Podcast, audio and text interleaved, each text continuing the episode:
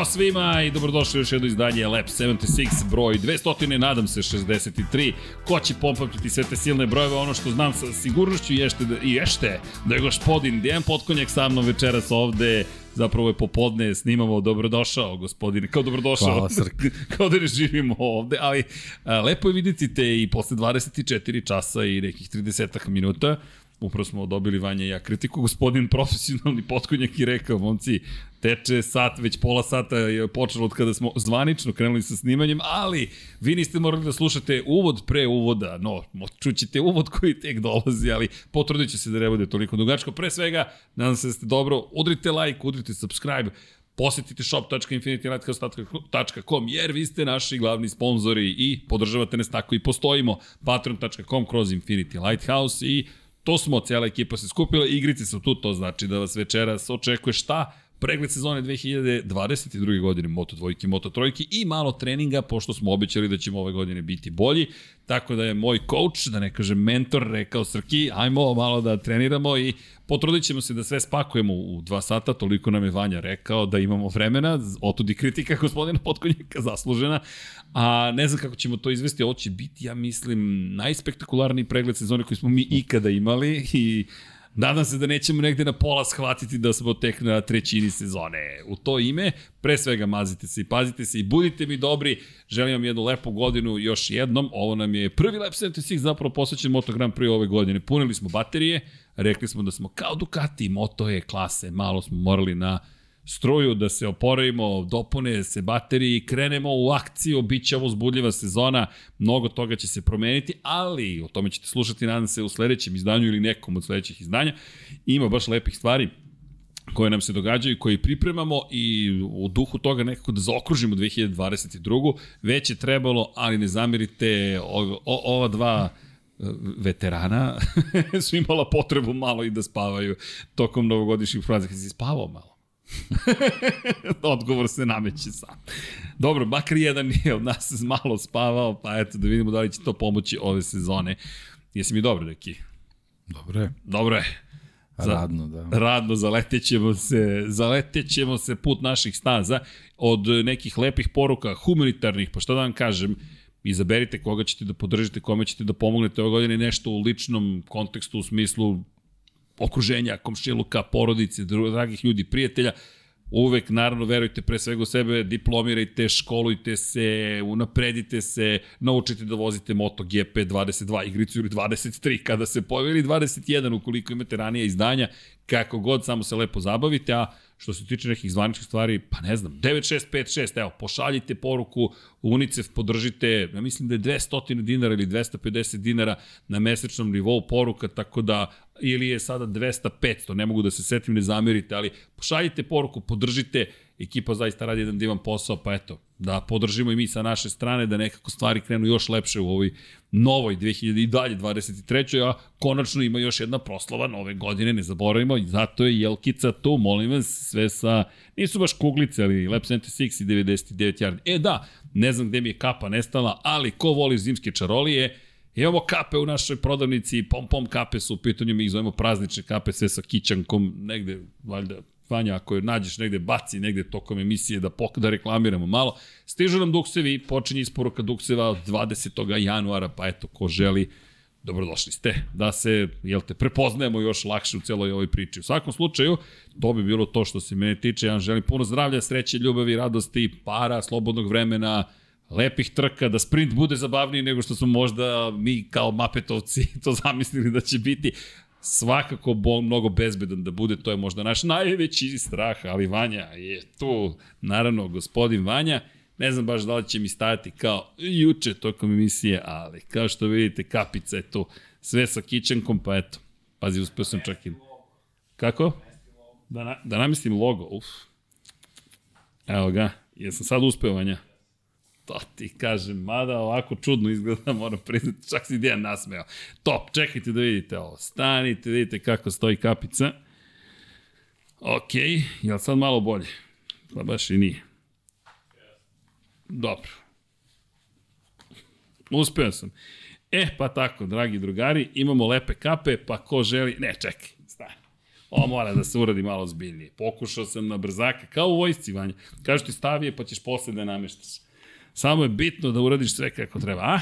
Evo, zagreću glavu i večeras malo da proradi krv u mozgu i da se podsjetimo šta smo mi to sve doživjeli 2022. godine sretnem drugara, praćamo se sa nekog putovanja, moja draga, i ja i sretnemo drugara koji je sa Palme de Majorke.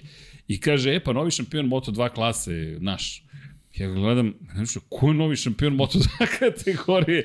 Čekaj, dok mi se vrati malo, dok se osveži, jel te, memorija, pamćenja, što bi se reklo, i Seti se, aha, Augusto, da, kaže, tako je, Augusto, vidiš, mnogo sa Palme dolazi vozača i činjenica, deki, Nisi razmišljao o tome. Joan Mir je sa Palma de Majorke, Jorge Lorenzo sa Palma de Majorke, Izan Guevara je sa Palma de Majorke, Augusto Fernandez je sa Palma de pa Majorke. Pa dobro, znaš, prvo, em je Španija, em je sredina gde onako Zabavno. Finansijska sredstva nisu problem.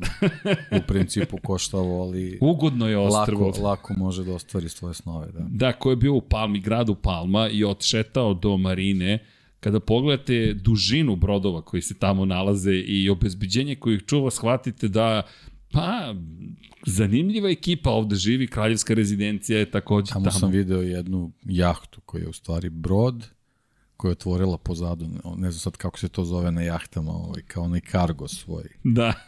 I? Prilikom stajanja i unutra su bila dva Bentley. Jer po vodi voziš Bentley. pa ne, nego gde se parkiraš, onda izađeš. Ovaj, a pošto je Palma poznata po lepim putovima, potpuno je bez veze doći na Palmu da nemaš dobar automobil. Apsolutno. E sad, pošto si na plovilu, lako je spakovati jedan automobil, a kamoli dva. a logično je da to bude Bentley. da, da. Jer ko nama vozi Bentley, pa eto, naši dragi prijatelji u svakom slučaju, kada pričamo o Bentleyima, dobro, da ne odemo sada u Kete trojke, da ne odemo u Continentale, da ne odemo, da se ne vrtimo u, u jučerašnju emisiju Formula 1, e da, moram da primetim, ima, ako imate dobro neki predlog, molim vas, sigurno imate. Pišite nam u komentare šta biste želeli da čujete, šta želite da ispričamo od priča, šta biste volili da poboljšamo, šta mi smatrate da, da smo radili dobro? I to da pomozite nam, ovo je poenta da se svi zajedno družimo, delimo znanje, radost, svakako emocije, pa da napravimo što bolji Lab 76 i naravno da nam bude još lepša 2023. Ali Palma, mada je meni, moram predstaviti, čudnija bila nego što sam očekivao, lepa, ali drugačije, pogotovo smo, što smo ušli u toplotni talas, 17 dana je trajao I moram priznati, nisam stazu zatekao, ne znam kako su tako brzi, ali što ti kažeš, verovatno kreće od finansijskih sredstava, a Barcelona ne, nije tako Barcelona daleko. Barcelona nije daleko, a i Palma nije samo Palma, treba, to jest nije, Majorka nije samo, samo Palma. Samo Palma, tako je, tako treba, je. Treba ovaj, malo proći ovaj ostrovo mi stvarno je, stvarno je mnogo lepo. Da, inače žalim se španskoj policiji, kažu da sam vozio renta kar ka Fermentoru tamo kada nije dozvoljeno. Nisam ušao uopšte, još sam platio parking i dobio kaznu. Stigli mi na kućnu adresu. Tako da, vodite računa šta radite. Generalno, ja ne znam kako sam uspeo, kažu, ušao ste na put kojim je zabranjeno kretanje odgovorno tvrdim da nisam, ali ne znam kako se adekvatno posvađam. No, sistem je čudo. U svakom slučaju, da mi krenemo, ne znam da li su kazne dobile Augusto Fernandez i Izan ali Palma de Majorka je osvojila svet prošle godine, kada malo bolje razmislimo. I ne samo Španija, ne samo Katalonija, već Palma, baš de Majorka. Zapravo Izan nije iz, nisu iz Palme, iz drugih su mesta na ostrovu Majorka, ali eto, koja god da je tajna, svakim čast. I ono, generalno nekako špancima pripadaju te niže kategorije, generalno i kroz istoriju, tako Jest. da sa, samo se ovaj, nastavlja ta priča, nastavlja se tradicija. Pa da, iz, moto, iz perspektive šampiona kada pogledaš, zaista njima je od uvek pripadala, pre svega, pre svega te najniže kategorije, dok su još bilo 80-ice, Angel Nieto, koji su svoje pa, 12 plus jednu titulu. vek praktično tek od, ono, sa, sa dolaskom novog, novog veka praktično ti dobiješ špancu nekoj ozbiljnoj ulozi u, u, u najjačoj klasi. Pa da, zapravo kraj milenijuma 1999. godine tako Alex Krivije, prvi je. španac koji je svoju titulu u kraljevskoj kategoriji.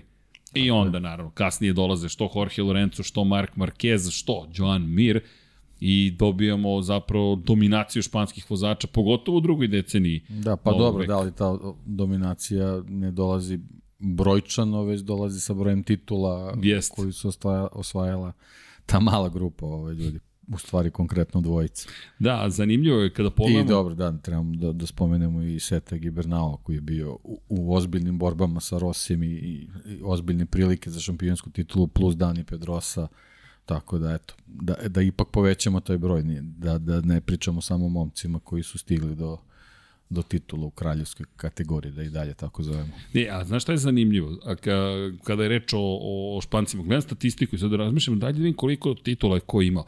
Italijani imaju ipak više titula u 125 kubika, ne bih nikad rekao. 15 vozača iz Italije osvajalo titulu, 24 ukupno titula, Španci 16 vozača, 22 titule, sledeće Velika Britanija sa 5 vozača i 5 titula. Koja je razlika? Italijanski, španski sport. Ako hoćete u Moto Grand Prix, italijanski učite, španski učite, Ali da vidiš kako Italija tako mnogo, a pa da, Nelo Pagani, Bruno Rufo, Carlo Ubijali, to su sve počeci zapravo, pa Ubijali samo kada pogledaš koliko je titula osvojio i kažeš, ok, Ubijali inače šest puta bio šampion 125 kubika, jedini uspešni Angel Nieto sa sedam titula i posle toga Luigi Taveri sa tri titule, švajcarac, pa Pier Pao Pialo Bianchi, italijan sa tri, pa onda idu pod dve titule Hugh Anders, Andersona, Kenta Andersona, to su, nisu iste države, dakle Kent Hugh Anderson i zapravo čovjek koji dolazi sa Novog Zelanda je šveđanin je Kent Anderson i onda Fausto Gresini dve, Loris Capirosi dve i zanimljivo Haruchi Kaoki Kazuto Sakata po dve titule. U jednom trenutku su iskočili Japanci, pričat ćemo o njima kada budemo najavljivali sezonu, ali Zanimljivo. Da, vidiš, ne bih pomislio uopšte da Italijani imaju toliko 125 kubika, ali krenut ćemo mi od Moto dvojki i Moto trojki, od Moto dvojki zapravo, kada pričamo o Moto 2 šampionatu, pričamo o takozvanoj srednjoj kategoriji, za sve oni koji su možda prvi put sa nama. Hajde da bacim pogled na ovu statistiku. Čekaj, deki, sad me ovo zaintrigiralo. Italijani 16, opet vozača 25 titula, Španci 9-12. Ali opet Španci, Italijani, ne vredi. Jednostavno, to su njihove kategorije. Jedino u Moto Grand Prix će biti drugačija situacija, a u ovome kopka. Ne zamerite na ovoj tangenti, što bi rekli naše kolege iz Velike Britanije i Amerike, da ne kažem digresi, ali cenim da ste upoznate ukoliko niste dobrodošli u podcast posvećen digresijama. Italija, da vidimo koliko ima. Italijani 7 šampiona, 21 titula, dobro, jedan ih ima 7 sam po sebi. Valentino Rossi, mada nije daleko, naravno, ni čovek koji obeležuje sve ovo, a zove se Giacomo Agostini sa svojih 8 titula. Zatim, Velika Britanija, 6 vozača, 17 titula. To su po, prapočeci Jeff Duke, Leslie Graham i ostali John, John Surtees. Zatim, Sjedine američke države, 7 vozača, 15 titula i onda četiri vozača iz Španije 11 titula. I tri vozača iz Australije sa 8 titula. I zatim Rodezije i Nisaland ili ti današnji, to Zimbabwe sada, da, Pa, da, to je sada, da, Rodezija je postala Zimbabwe i imamo Francusku, jedan vozač, jedna titula, zove se gospodin Fabio Quartararo, pričali smo o Francesco Banjaji kao sedmom šampionu koji dolazi iz Italije, ta 21. titula njegova. Wow koji post je prekinuo zapravo kada razmišljam bolje Francesko Banjaja. Inače, Ducati prezentuje motocikl 20 od 22. do 25. u Madoni di Campillo. Rečili su da se vrate na čuvenu planinu, na Dolomite i da kažu čekaj da obeležimo titulu i u Superbajku i u Moto Grand Prix. Ko zna kada će se ponovo desiti? Mada, mada, mada, mada, kako su se narožili, sve moguće. No, da krenemo mi od Moto dvojki, najnoviji šampion zapravo kada govorimo o Moto2 kategoriji, jeste Augusto Fernandez, jeste još jedan španac, inače, poslednji španac koji je osvojio titulu, u čekaj, pitamo Vanju, mada nema šanse, mada, znaš ko je poslednji španac koji je osvojio titulu u Moto2-kama? Jeste, ali Alex. ali pogodio si. Da nije, samo kažite u kvizovima, ako vas neko pita, samo recite Marquez, neki od njih dvojice jeste. Alex Marquez je bio poslednji španac 2019. Tu je malo na situacija drugačija zapravo. Augusto, pa Remy Gardner pre toga za Australiju, pa Enea Bastianini, pa Alex Marquez, pa Francesco Banjaja, pa Franco Morbidelli, pa Joan Zarko, pa onda Tito Rabat, Pole Spargaro, Mark Marquez, za Španiju, pre toga Stefan Bradl, pa Toni Elias. I onda Jorge Lorenzo, Dani Pedrosa i pre njih dva puta Sito Pons. I to je zanimljivo. U 250-cima, to je u Moto2 klasi, Španci su imali Sita Ponsa, koji je uspeo da ih dovede na vrh 88. 89. i onda pauza sve do Danija Pedrosa i Jorge Lorenza I onda taj niz, Elias Marquez, stariji, Espargaro, mlađi, Rabat, pa Alex i Augusto Fernandez. Augusto je u jednoj grupi vozača koji uopšte nije naivna zapravo. Kada pogledam i ti, mogu da te pitam nešto. Tipovo si na Neo Bastianinija. Pa si tipovo na Augusta Fernandeza. Kako, deki? Ali ne šalim se, malo pravim scenu očigledno kao i ovih dramim, ali ili prosto pravim egzibiciju, ali pojenta jeste, zaista te pitam, šta si to video, za Eneo si nam objašnjavao u Augustu Fernandezu da si verovao da će biti šampion sveta? Znaš, pa, zanima me baš kako si ga tako prepoznao. Pa, uh, ona godina kad je vozio za Mark VDS Racing, ona godina kad su mislili da će biti Lowsova šampionska da. godina, u stvari sam uh, u, u onim dobrim trkama uh, ovaj, Lowsovim sam u stvari pratio kako Augusto Fernandez vozi te trke. I onda se videlo da u stvari on stvarno uh, tokom trke, ne znam kako bi sad to ovaj, uh, rekao zato što u principu ne znam kako su njegova razmišljanja, da. ali iz neke moje perspektive kao da tokom trka hvata neke repere gde u stvari na osnovu njih uh, traži svoje maksimume, a ne gleda svog timskog kolegu, pošto Semi u nekim trkama stvarno bio superioran. I to, to, to za vozača koji u stvari uči kako treba da postane šampion u Moto 2 kategoriji može da bude ozbiljan mač sa dve oštrice. Znači, bukvalno možeš da sagoriš u, u, u toj priči. To je nešto uh, ne, ne vezano za timskog kolegu, ali možda nešto što se desilo i, i Vjetiju na početku, ove, to jest posle dobrog početka sezone. U Moto dvojkama gde, gde imamo pre svega jedan ozbiljan motocikl, imamo i ozbiljno takmičenje i nije nije dovoljno samo da, da a, kad, kad kreneš u uspon u toj kategoriji a, pronađeš svoju brzinu. Potrebno je da nađeš mnogo više elemenata, a to je ono što sam možda u nekom trenutku video i kod Bastianinija u, u onoj njegovoj šampionskoj godini. Kad, kad, kad je stvarno imao nekoliko ozbiljnih, pre svega psiholoških ispita, koji nije, nije lako ovaj, pregurao, ali je uspeo da, da prebrodi i da se u nekom trenutku vrati na svoj maksimum. I, i mislim da, da, da, da ta Moto2 kategorija u stvari na taj način možda pravi neke ovaj, neke, neke otklone između vozača da bi u stvari možda mogo da vidiš ko će uh, ko će psihološki stabilnije da uđe u, u višu kategoriju, to jest u Moto Grand Prix. I nekako se ispostavi da, naravno, osim tih nekih izuzetaka koji su stvarno onako ovaj, istorijski kvalitetni vozači, pojave se vozači koji, koji na bljesak osvoje Moto 2, budu superni tokom sezone, ali onda kada stignu u, u Moto Grand Prix od tog bljeska ne bude ništa zato što Moto Grand Prix, posebno ovaj današnji, ne može da se vozi na bljesak, jednostavno moraš, moraš da budeš konstantno brz. Da. I onda se poneko ne snaži u tome. I nekako mi je delovalo da, da Bastianini i Augusto imaju taj neki, nisu to isti recepti, ali otprilike imaju, imaju neku kako bih rekao, ne, neki svoj put koji, koji im pomaže da se polako razviju u kvalitetne vozače. Da, zanimljivo Pre svega da imaju šampionski kalibar. Zapravo, ako, ako se dobro sećam, i zajednički imenilac im je napredak tokom trke. I to što zapravo osmatraju šta drugi rade i uče zapravo šta on, kao što si lepo rekao, šta oni mogu. Dakle, to je i kod jednog i kod drugog zapravo onda izraženo. Jer kod... Obojici, posebno u prošle sezoni, nevezano za kategoriju, preterana agresivnost im je donala padove.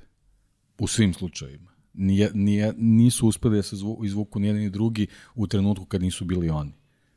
Da, zanimljivo, kad odustaneš od sebe zapravo, tako kad je. pokušaš da budeš neko, tako nešto što tako nisi. Je, tako je. E, juče smo pričali o Kenu Bloku i toj njegovoj strasti i o tome što je on, ne strast, nego što on ostao dosledan sebi. I bez obzira na manjak ili, zapravo manjak, manjak uspeha možda formalno, ali kada pogledaš, on je mnogo uspeha ostvario upravo zahvaljujući tojim godinama u kojima je ušao uopšte u sport i šta je sve radio, a ovde kada pogledaš opet isto, odustaneš od sebe, moraš da evoluiraš, moraš da napreduješ, to je, rekao bih, očigledno, ali ne na način da sebe deformišeš, nego da se transformišeš, evolucija nekako da se desi. Da, i bitna je samo kritika, naravno, to su, to su neke faze koje moraju sami da, da prođu, ali ovaj, jednostavno ne smeš da budeš neiskren prema sebi, posebno kad, kad stižeš u tu neku kategoriju kao što je Moto Grand Prix, ovaj, videli smo recimo kakvu je, kakvu je eksplozivnu sezonu ovaj, Remy Garner imao u Moto dvojici, kako se to završilo u Moto Grand Prix, on je čovjek jednostavno sagoreo apsolutno, apsolutno je postao neupotrebljiv za, za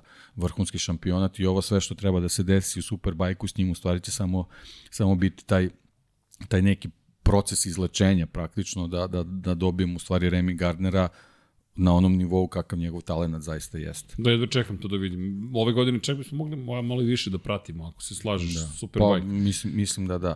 Ovaj, Zaslužuje. Za, da kažemo da je krivac za, za, za tu čitavu čitavu situaciju ovaj, Raul Fernandez, još jedan Fernandez koji nije, nije u rodu sa, sa ovim momkom, zato što jednostavno njegov, njegov stil je takav ovaj, takav agresivan i, i Remi da bi, da bi došao do, do svoje titule jednostavno nije mogao u svakom trenutku da prati a, a, svoj stil, nego je jednostavno morao da se prilagođava Remiju koji je, a, Raulu koji je u stvari ovaj, a, čitavu igru podigao na više nivo i to, to se u Remiju ogledalo tako što jednostavno verovatno psihički više nije imao snage za Moto Grand Prix nego što fizički to nije mogao da izdrži. Pa da, ono što smo mogli da vidimo na stazama Remi, zaista se nije uklopio u preterano korporativni svet, jer u, ulazak u Moto Grand Prix je takođe poslovni potez. Ti tu postaješ deo jednog velikog biznisa, hteo ti to ili ne, a Remi nekako kao da je hteo da ostane pomalo kauboj, to je da ostane, Tako ej, ja je. sam ovde vozač, to ne postoji pa, više u Moto Grand Prix. Kažem, prvo nije mogao zato što neke svoje resurse već potrošio u finišu u sezone 21. Tako da ovaj e, čitav, čitav taj duel sa, sa, sa Raulom je na njega ostio traga, dok sa druge strane, mislim, bez obzira koliko su obojice imali neku neuspešnu prvu sezonu Moto Grand Prix, mislim da, da to nije u stvari proživljeno na isti način, e, jer Raul je u principu samo nezadovoljan svojim izdanjem, jer on posjeduje ogroman potencijal. To i, i, i ekipu. I čitav, čitav taj, taj loš splet okolnosti sa, sa, sa ekipom je uticao na to da njegovi rezultati budu takvi kakvi jesu, ali kažem, mislim da, da čak i da je neka bolja situacija bila, mislim da Remi da Remi ne bi mogao da iznese tu čitavu priču pre svega zbog, zbog svog trošenja tokom prethodne sezone kad je osvojio titul. Inače, sezona 2022. u Moto2 kategoriji je počela tako, ajmo da samo malo se vratimo unazad i napravimo uvod u priču, a to je zapravo da je branilac titula što kao ekipa, što kao šampion, Remy Gardner je otišao kao prvog sveta u jel te, Moto Grand Prix kategoriju. S druge strane, imali smo priliku da vidimo kako zajedno sa njima odlazi klubski kolega Raul Fernandez, koji nije osvojio titulu, ali koji je pokazao zapravo u celoj priči da, pa da je... Pa da, praktično imali smo dva šampiona. Pa da, da ako postoji, ako su nekad postojala dva šampiona, to je bila ta 2021. godina. Jer tu su nijanse odlučile, Remi i Raul su potpisali pritom za istu ekipu, iz Red Bull KTM Ajo tima, dakle Aki Aja, to je inače finski menadžer za one koji eventualno ne znaju, čuven po tome što zapravo godinu, decenijama sada već je na vrhu jedne kategorije, ne samo na vrhu kategorije, što zna da prepozna talent, da s tim talentom dođe do titula šampiona sveta, što u pojedinačnoj, što u timskoj konkurenciji, ne mogu reći u konkurenciji konstruktora, pošto je to malo drugačije odnosno na Formulu 1, i zapravo predstavlja jednu ozbiljnu silu, zajedno sa Jorge Martinezom Asparom, koji inače imao šampiona u Moto3 kategoriji, što je inače bio problem za Aspara godinama do 2022. kada Albert Arenas postao prvi u Moto3 klasi, ne računam 125-ice, ali to su dva velika zaista predvodnika timova, s tim što je Aki u jednom momentu počeo da dominira i to je da bude organizator najbolje ekipe, moje mišljenje, ne znam da li se slažeš, Moto2 klase. I zamene za što Remija Gardnera, što Raula Fernandeza su bili Augusto Fernandez i Pedro Acosta. Pedro Acosta kao šampion Moto3 klase koji je potpisao trogodišnji ugor sa KTM-om, stigao je u Moto2 kategoriju u svojoj drugoj sezoni u, Moto, u, u šampionatu sveta, što je tek posebna jedna priča, ali jedan ozbiljan momak koji stiče iskustvo i Augusto Fernandez koji imao zanimljivo putovanje zapravo. Augusto se dosta selio iz ekipe u ekipu, vozio iz spomenutog Sita Ponsa, vozio za Mark VDS Racing i ekipa Ponsa i Mark VDS Racinga su šampionski. Osvajali su titule, međutim, tek ovaj dolazak u Red Bull KTM kao da je bio taj neophodni moment. Pa neophodni moment i po meni, eto, neko možda upravo i to priznanje o, o, o njegovim potencijalima, jer mislim da je ovoga puta Ajo birao uh, kao što ima i prethodni sezon, on je, on je praktično ono, bio na slatkim mukama da ima a, dva vozača gde samo a, bilo najvažnije da jedan drugom ne, ne smetaju toj borbi za titulu, da neko treći ne bi ne bi to osvojio. Znači, bilo je već 21. potpuno sve jedno ko će osvojiti titulu, a što se tiče 22. Augusto Fernandez, kažem, to, to možda može da bude to priznanje, doveden da bude svetski šampion, a sa druge strane drugi vozač je Dragulj koji tek treba da se brusi, ali Uh, nepredviđeni, to jest ne, ne, neslučeni njegovi potencijali i granice su mogli da dovedu do toga da možda i on bude šampion.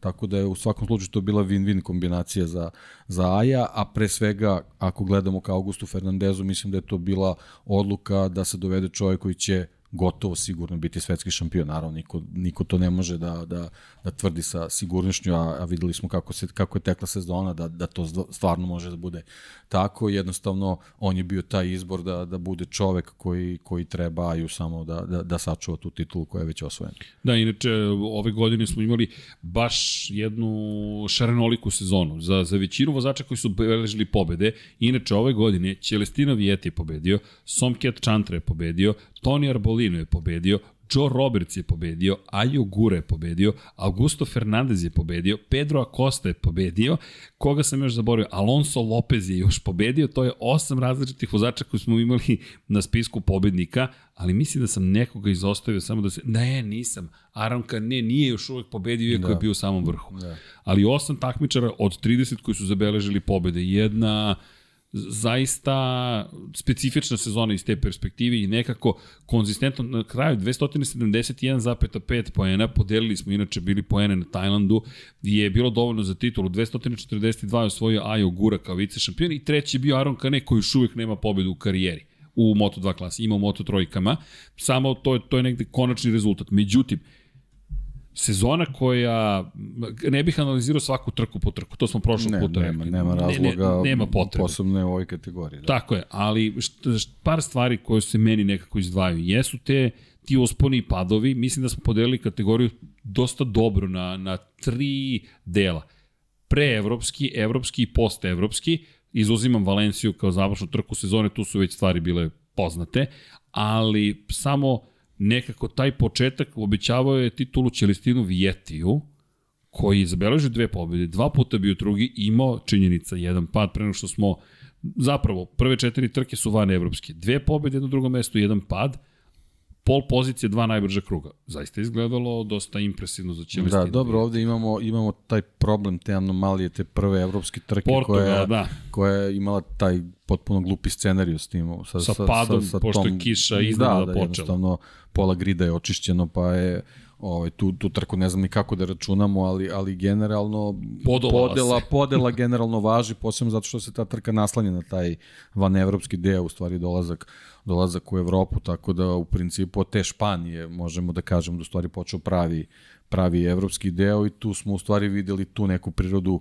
Augusta Fernandeza koji je imao problem uh, pre svega prilagođavanja na, no, na novu ekipu uh, i onda se desila ta situacija koja tu nekima može da, da, da bude i loš moment, a to je da smo imali tu punu sezonu konačno gde smo išli na neke staze koje, koje vozači ovaj, nisu ili se nisu dugo sreli ili ih uopšte nisu nisu poznavali, onda je za Augusta taj period pros, prošao tako što su on u stvari tek praktično zagrevao za sezonu i taj Portugal je u stvari trebao da bude ta neka njegova ova prva prva ozbiljnija stanica odakle treba da krene u taj taj ovaj pohod na na šampionsku na šampionsku titulu i što se njega tiče stalno sam spomenuo tokom sezone tu Argentinu to je u stvari ta ta prva prva pad. velika greška i taj, da. i, taj, i taj prvi pad koji je možda eto došao zbog toga što je bio možda preagresivniji ovaj, na način kako u stvari to, to, to ne liči na njega. I to mu se desilo, izvini, u Australiji. Tako je.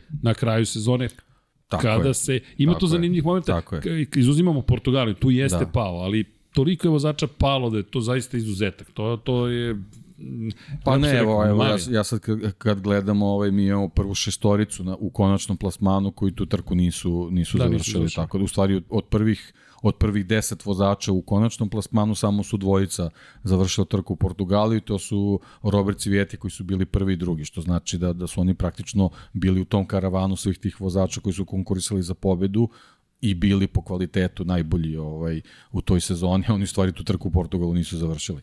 Tako da to i kad, kad se gleda taj neki, neki reper vezan za te odnose u bodovima, ovaj, imamo, imamo tu ovaj, malo, malo nezgodnu situaciju zbog te Portugalije, ali bože moj, mislim, jednostavno tako se desilo, neko ima manje sreće, neko, neko malo više i, i, i generalno je ta situacija i dovela do toga da u stvari Celestino i, i sa tom trkom u Portugalu praktično ovaj, bude bude u ozbiljnoj ovaj, konkurenciji za, za, za šampionsku titulu, jer dve pobede i dva druga mesta u Moto dvojka na početku sezone, iz pet trka stvarno ovaj, ovaj, mogu, mogu da ti daju dobru oskušnu dasku za dalje, međutim videli smo da to u stvari i nije baš tako, nego da jednostavno on je najbolje iskoristio taj, taj neki početak sezone koji, koji su drugi čak u, u ozbiljnim ekipima možda čak i obrisali da bi se u stvari pripremili za, za, za taj evropski deo koji u stvari kad pogledamo sve kako si razvijala situacija, možda i bio odlučujući. Da, i kada gledaš rezultate, kada pogledamo posle te druge trke, pošto smo imali dve trke u Portugalu, ti imaš 90 poena za Celestina Vijeti, ali ima 34 poena prednosti u odnosu na Aja Ogur. Moram priznati da nekako bih zaista podelio sezonu po tim delovima. Pobjeda drugo mesto, pobjeda pad drugo mesto. Kako god, kakav god bio moment zašto je on došao do drugog mesta u Portugalu, to je nešto što se podjednako računa kao bilo koja druga trka bilo fair ili ne. Ajo gure na poziciji broj 2, koji je imao dva šesta mesta, jedno treće, jedno drugo i pao je. Na trećem mestu čovek koji ima petu poziciju, osmu, šestu pobedu i pad, Toni Arbolino, 36 pojena zaostaje za Celestinom Vijetijem. Joe Roberts, koji je pobedio u Portugalu, odjedno se stvorio na četvrtom mestu, ima isti broj pojena kao Aron Kane. Roberts dva osma mesta, jedno 11, jedno 13, jedna pobeda i onda imamo Kane koji ima pad u formi. Drugi, treći, četvrti pad dok je vodio u Americi i još jedan pad i potom Somkijat Čantra, pazi sad ovo, nije startovao u prvoj trci, pobeda drugo mesto, pad, pad, ali je tu. Gde je Augusto Fernandez u svemu ovome 11. pozicija, 59 pojena za ostatka za Celestinom Vijetijem u tom momentu.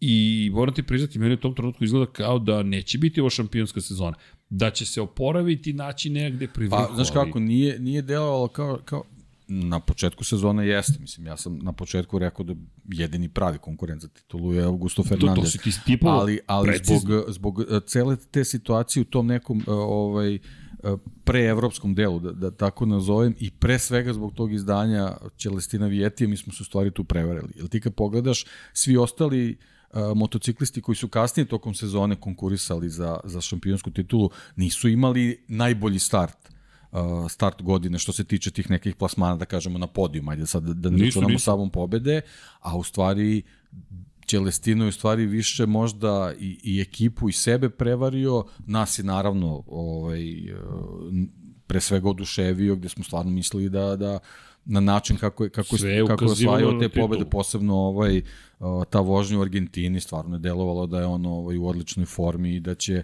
sa, sa, sa takvim rezultatima nastaviti, nego, nego bukvalno eto kako je krenula ta Evropa, uključujući mislim i, i taj Portugal, on je u stvari to drugo mesto samo nasledio, on je bio on je bio na, na, na, na, na kraju te, te vodeće kolone, to, to bi bilo neko sedmo, osmo, deveto mesto da, da se trka, trka nasled, znači on je već je na do, po dolasku u Evropu već u stvari pokazao neko, neko svoje pravo lice ili pravo lice ekipe koje se pripremalo za, za, za tu sezonu, ali eto igrom tog slučaja nas je i to drugo mesto ovaj, u Portugalu malo prevarilo, prevarilo. Ja sam zaista u tom trenutku mislio da, da, ovaj, da oni imaju taj neki pobednički paket koji će nastaviti da pokazuju tokom sezone.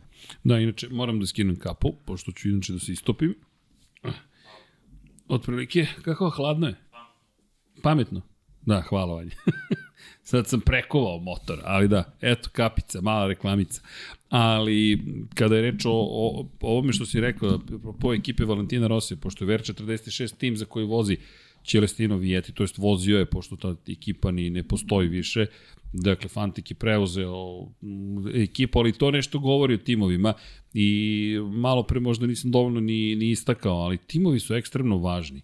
Deki, ti često to napominješ. Mi imamo u kategoriji Moto2 iste motore kod svih. 765 kubika, trocilindrični Triumph je u pitanju, šasije proizvode Kalex, Speed Up i MV Agusta, više čak ne postoji od ove sezone NTS japanski, on je odustao od šampionata, ove godine su se, zapravo ne već ove, prošle 2022. su odustali od proizvodnje i zapravo Speed Up se sada zove Bosko Skuro, već drugu godinu za redom po Luki Bosko osnivaču kompanije. Dakle, mi imamo kup takmičenje, de facto. I u kup takmičenjima doći ćemo do Lonsa Lopeza kasnije Bosko Skura koji je napravio nešto, nešto posebno. Dotaći ćemo se i Fermina Aldegera, ali drugog vozača speed up, ali činjenica je da ti je u toj situaciji potreban tim. Da ti je tim taj koji će te nijanse rešiti u tvoju korist i ono što je takođe važno, psihologija vozača, kako ekipa da zapravo omogući vozaču da iz sebe izvuče maksimum. Jer to je odlika velikih menadžera. Ne da nametnu svoju volju nekome, već da shvate kakvog vozača imaju iz njega izvuku maksimum. Makar je to moje viđenje stvari, znaš kako gledam često zapravo košarku, kao primjer Phil Jackson, koji je, ne znam, Denisu Rodmanu dozvoljavao stvari koje nisu po pravilu. Denis traži odmor, ne znam, u šampionskoj poslednjoj sezoni, njihovoj čuveni, jel te, poslednji ples, i kaže ja moram da se izduvam, koliko ti treba? Treba mi odmor, kakav crni odmor. Moram na vacation. I sad Michael Jordan koji gleda kakav odmor i Phil Jackson koji kaže, ili ti dovoljno 48 časova? I ovaj kaže, jeste, naravno, ode u Vegas, Jordan odlazi po njega u Vegas da ga vrati, ali Phil Jackson je znao da Rodmanu to treba da bi iz njega izvukao maksimum. Iz te perspektive dve stvari posmetam, tehničku sposobnost ekipe i razumevanje vozača, to je kako se bavi psihologijom vozača. I zanimljiv intervju smo imali sa Niklasom Majom, koji je rekao, pa moj najveći posao je vozač. Kako ja da ga ubedim, a da ga ne ubeđujem da on zapravo može da bude toliko brz jer i to, to je ono što je važno, VR46 tim nekako kao da nije mogao da pomogne Vijeti. To je moj utisak. Da. Pa očigledno da je tako, posebno kad se pogleda taj, taj prvi deo sezone, on, on generalno posle tog odličnog starta i, i ovaj, nekoliko trka koje su sledili, on je ipak tu imao, mislim da je bila jedna pobeda, čini mi se u Španiji. Jest. Ovaj, Baš je odvezao sjajno. Da, imao je, imao je dosta oscilacija, ali te oscilacije su se pre svega ogledale u padovima. I sad, to je, to je za, za vozača koji je možda i sam ovaj, zbog tako dobrog početka sezone ne, neke, ne, ne, neke pripreme možda obavio ovaj, malo samouverenije što, što nekad stvarno može da bude ovaj, loše. Možda je baš u, u tim segmentima trebao da dobiti neku pomoć ekipe da bi ovaj zajedno osvojili bar, bar neku količinu bodova koji bi ga uvela možda u finiš sezone gde bi bio ovaj konkurentni, međutim to se to se jednostavno nije desilo, ali mislim da u njegovom slučaju da da nekako podjednako krivicu treba tražiti i kod njega i kod i kod ekipe što možda može da bude teža reč, ali je veliko je pitanje u stvari kakvi su oni planovi sebi postavili na početku godine. Ako su ovaj, stvarno verovali da, da mogu da osvoje titulu, onda definitivno nisu dobro ovaj, pripremili sezonu, ako su, ako su ih neke pobede zadovoljavale, onda možda mogu da, da budu i zadovoljni s tim što, što su ovaj, verovatno nekoliko trka propustili da, da rezultati budu mnogo bolji, što bi samim tim vodilo do toga da on ostane u konkurenciji za titulu. Ovako, bukvalno se desilo da u drugom delu sezone mi njega nismo ni spominjali. Pa ne, pa po, pogledaj ovo, izvini, dakle, a, namjerno sam skočio na Aragon u njegovom slučaju. Velika nagrada Aragona završena, Celestino Vijeti je četvrti, vodi Augusto Fernandez, 52 poena za ostatka Celestina Vijetija. Mi ovde pričamo o čoveku koji je, kada smo završili trku u Portugalu, imao prednost od ne 34 poena odnosu na Fernandeza, 59 poena. Pričamo dosta o Francesco Banjaji i njegovom preokretu u sezoni. Ajo Gura se do kraja borio protiv to jest sa, ajde da ne kažem protiv, je kao da je baš bitka jedan na jedan, da su u, u fizičkom duelu protiv Augusta, to je sa Augustom Fernandezom, ali Vijeti 59 poena prednosti za ostatak od 52 poena. Mi pričamo o 111 poena razlike, a između se desilo koliko? 10 trka. 10 trka, dakle Španija, Francuska, Italija, Katalonija, Nemačka, Holandija, Velika Britanija, Austrija, Mizano i Aragon ti si za 10 trka izgubio 111 poena. To je gotovo neverovatno. To je, to je isto ono što je učinio Banjaja i još više od toga, jer Banjaja je takođe imao 10 trka da nadoknadi prednost od 90, zapravo 11 trka da nadoknadi prednost od 90 poena. I neverovatno je zapravo šta je učinio Augusto Fernandez. Čak moram ti priznati da nije mi ni jednog trenutka dok smo radili i celu sezonu analizirali, pa na pamet, gde je bio Augusto u odnosu na Ćeleja zapravo? Pa da, to je u stvari uh, pre svega dokaz neke njegove mentalne čvrstine. Bukvalno. A ti gledaš period u kojem u tom ovih 10 trka. U stvari trka, i dobre pripreme trka zajedno sa ekipom. Zajedno sa ekipom. Četvrti, da. peti. Ne, zapravo četvrti, prvi, peti, treći, prvi, prvi, prvi, peti, treći, treći. To je Znaš, tih 10 trka. Tu je u tim situacijama možda i dobra stvar procen ekipe koja možda u, u nekim njihovim sastancima i razgovore, razgovorima možda on u jednom trenutku dobio poruku. Uh, znaš šta, sigurni smo da ti Vijeti nije, nije rival, ne obraćaj pažnju na njega, za Fokus. tebe je bitno da u sledećem trkama uradiš to, to, to i to. I ključno je bilo naravno ta, ta kako beše Nemačka, Holandija, Velika Britanija. Jest, tri, taj niz. Tri uzastopne pobede koje u Moto dvojkama su neprocenjive kad se tako veže. I pazi, a to je da. završetak prvog dela, ne nužno aritmetički, ali prve polovine kalendarski, Nemačka, Holandija, to su poslednji dve trke da, pre nego što odlazimo na pauzu. Da, uh, Augusto Fernandez i te trke osvojio 75 bodova, Vijeti 23. 50 znači, poena se anulirana je polovina, polovina razlike sezonske samo tu anulirana u te tri trke. I on je uradio to što je trebao da uradi isporučuje ono što je bilo neophodno. Pri čemu u Kataloniji, to jest u Barceloni, je pobedio upravo Celestino Vijeti i to u čuvenoj trci.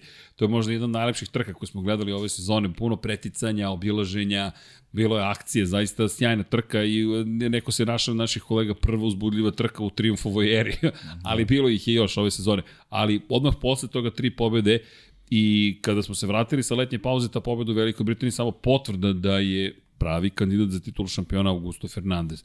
I onda jeste usledio, ono što mi je zanimljivo, nije pobedio posle Velike Britanije. Dakle, posle toga više nema pobeda za Augusto Fernandeza, ali mislim da je već tada ušao u bitku protiv Aje Ogure. I da. da se tu već bilo, da je bilo jasno Aje Ogura, što je za mene najlepše iznenađenje ove godine. Sad sam htio da kažem, da, upravo to, ali mislim da, da i kako god da su pripremali godinu, mislim da da na, na tako ga je Oguru u, u KT Maju nisu računali. Ja mislim da... Mislim, mislim da niko nije računao. Ja, ja da, zaista da. mislim da to niko nije računao, da, da jednostavno si mogao da izabereš veliki broj drugih vozača, ajmo, Aron Kane, Kane koji je krenuo lepo u sezonu, čekaš njegovu prvu pobedu, Kane koji ređe ta druga mesta, čekaš, bit će, desit će se ta pobeda, to se međutim ne dešava.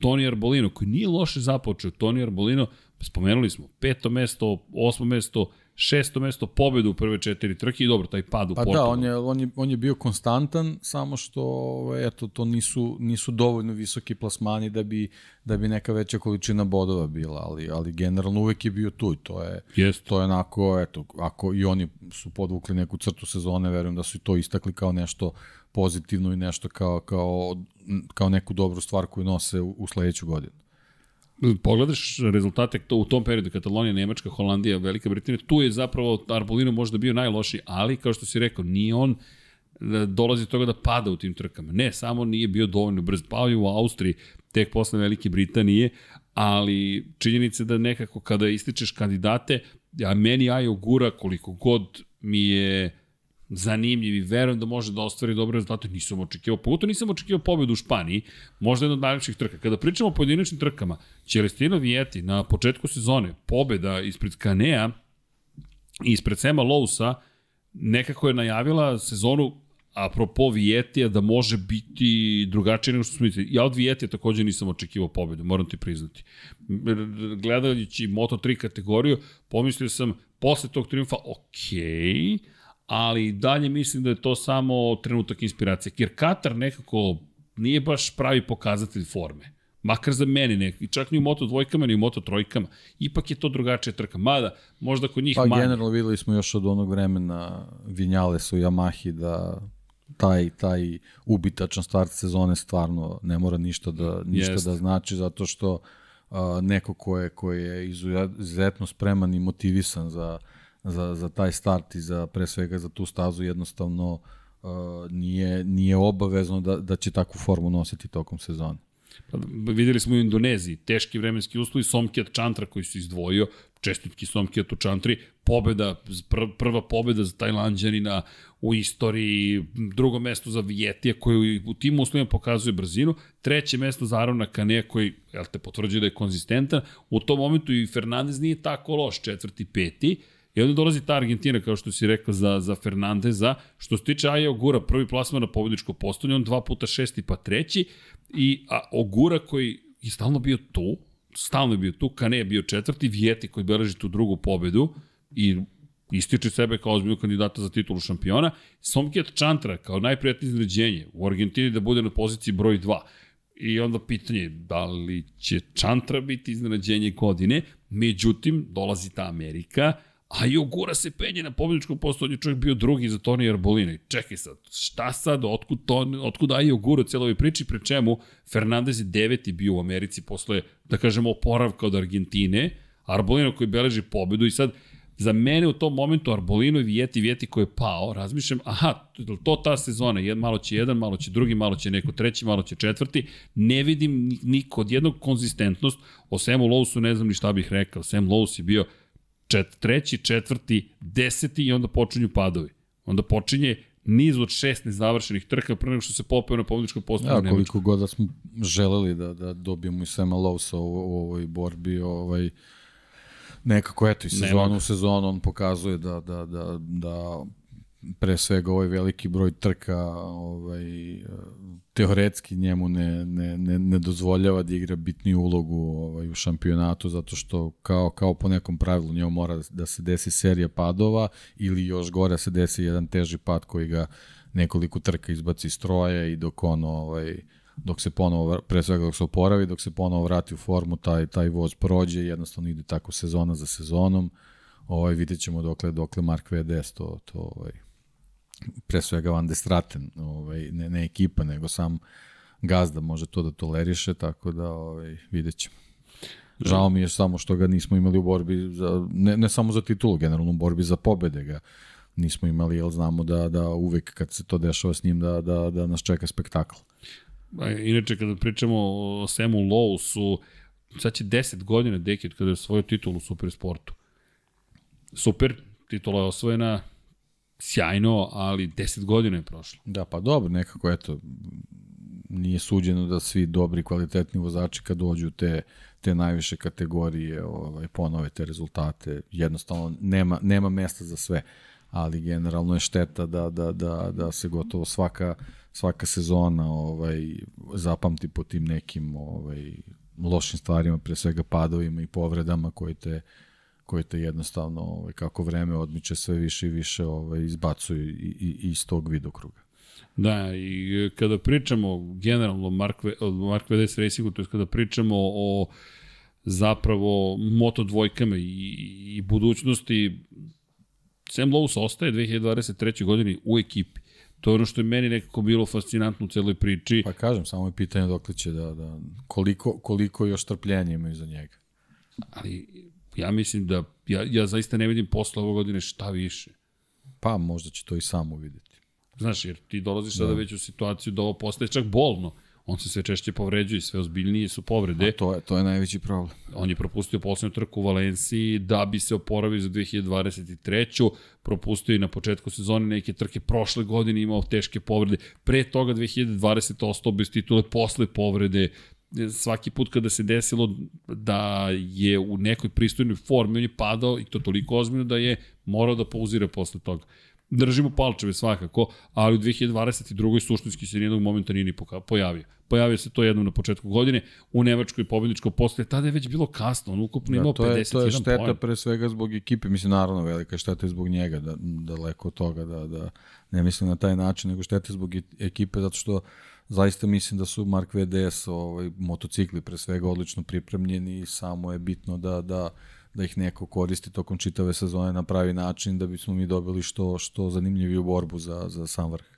Da, inače njega je menjao Sene Agius, kada pričamo o ekipi Sene Agius da. koji u šampionatu Evrope bio jedan od kandidata za titulu prvaka, inače titula je pripala Lukasu Tuloviću, Lukas koji eto, stiže u, u Moto2 kategoriju ove sezone, ali ni Sena Agius nije uspeo da dobije konačnu priliku, ali Toni Arbolino je donosio triumfe u svakom slučaju ekipi. No, samo da, da Toni Arbolino Arbolino je u stvari eto, merilo koliko ta ekipa vredi. Ali pazi ovo, ti si krenuo danas upravo pričao o Augustu Fernandezu o tome da si ga gledao kao drugog vozača uz Sema Lowe sa Mark VDS Racinga. Sada Sen je kao zamena za Augusta Fernandeza stigao Toni Arbolino, Toni opet preuzeo glavnu ulogu u toj ekipi za Sema Lousa da. je zaista teško mi da kažem nešto pa da, pozitivno. Nije, nije da, dovoljno da samo da budeš zvezda. Ti ako si zvezda, ne znači da se automatski preplaća na neke rezultate, nego stvarno moraš mnogo da radiš posebno u kategoriji kakva je Moto2, ali on on jednostavno ovaj klinci uh, ili ili nema nema nema sreće s tim nekim situacijama ili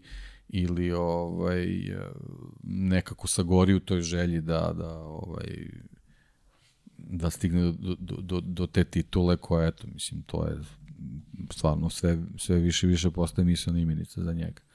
E, inače, kada pričamo o, o, hajde, o tome da si zvezda, da li si više i zvezda? Znaš, došli su nove, mnogo velike zvezde. Meni, Pedro Acosta se pojavio sada kao baš velika zvezda. A to zvezda. je problem za njega. Praktično mu se iz godine i godinu pojavljuju neki vozači, eto i ti, kao što se spomenuli, neki koji su bili u tvojoj senci, u tvojoj ekipi, sad su već već ovaj ozbiljno na, na mapi ovaj što kao ljudi koji su već osvojili šampionsku titulu, što kao neki potencijalni osvajači u, u budućnosti, tako da ovaj, situacija na taj način postaje sve gore.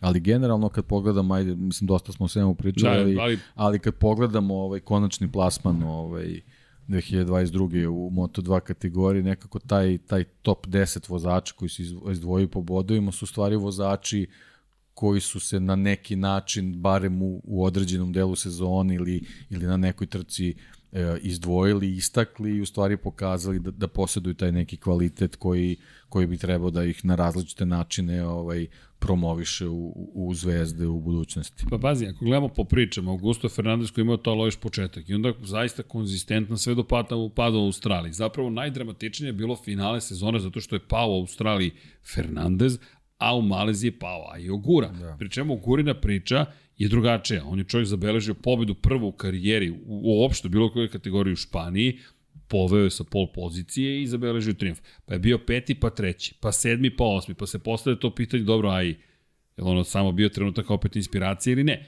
Drugi u Holandiji, odlazimo na pauzu, četvrti. I onda pobeda u Austriji. I tu zaista u jednoj sjajnoj trci, Somkjet Chantra je tu imao možda šansu da pobedi, malo su razmenili pozicije na kraju, ali triumf veoma važan za Aje Guru.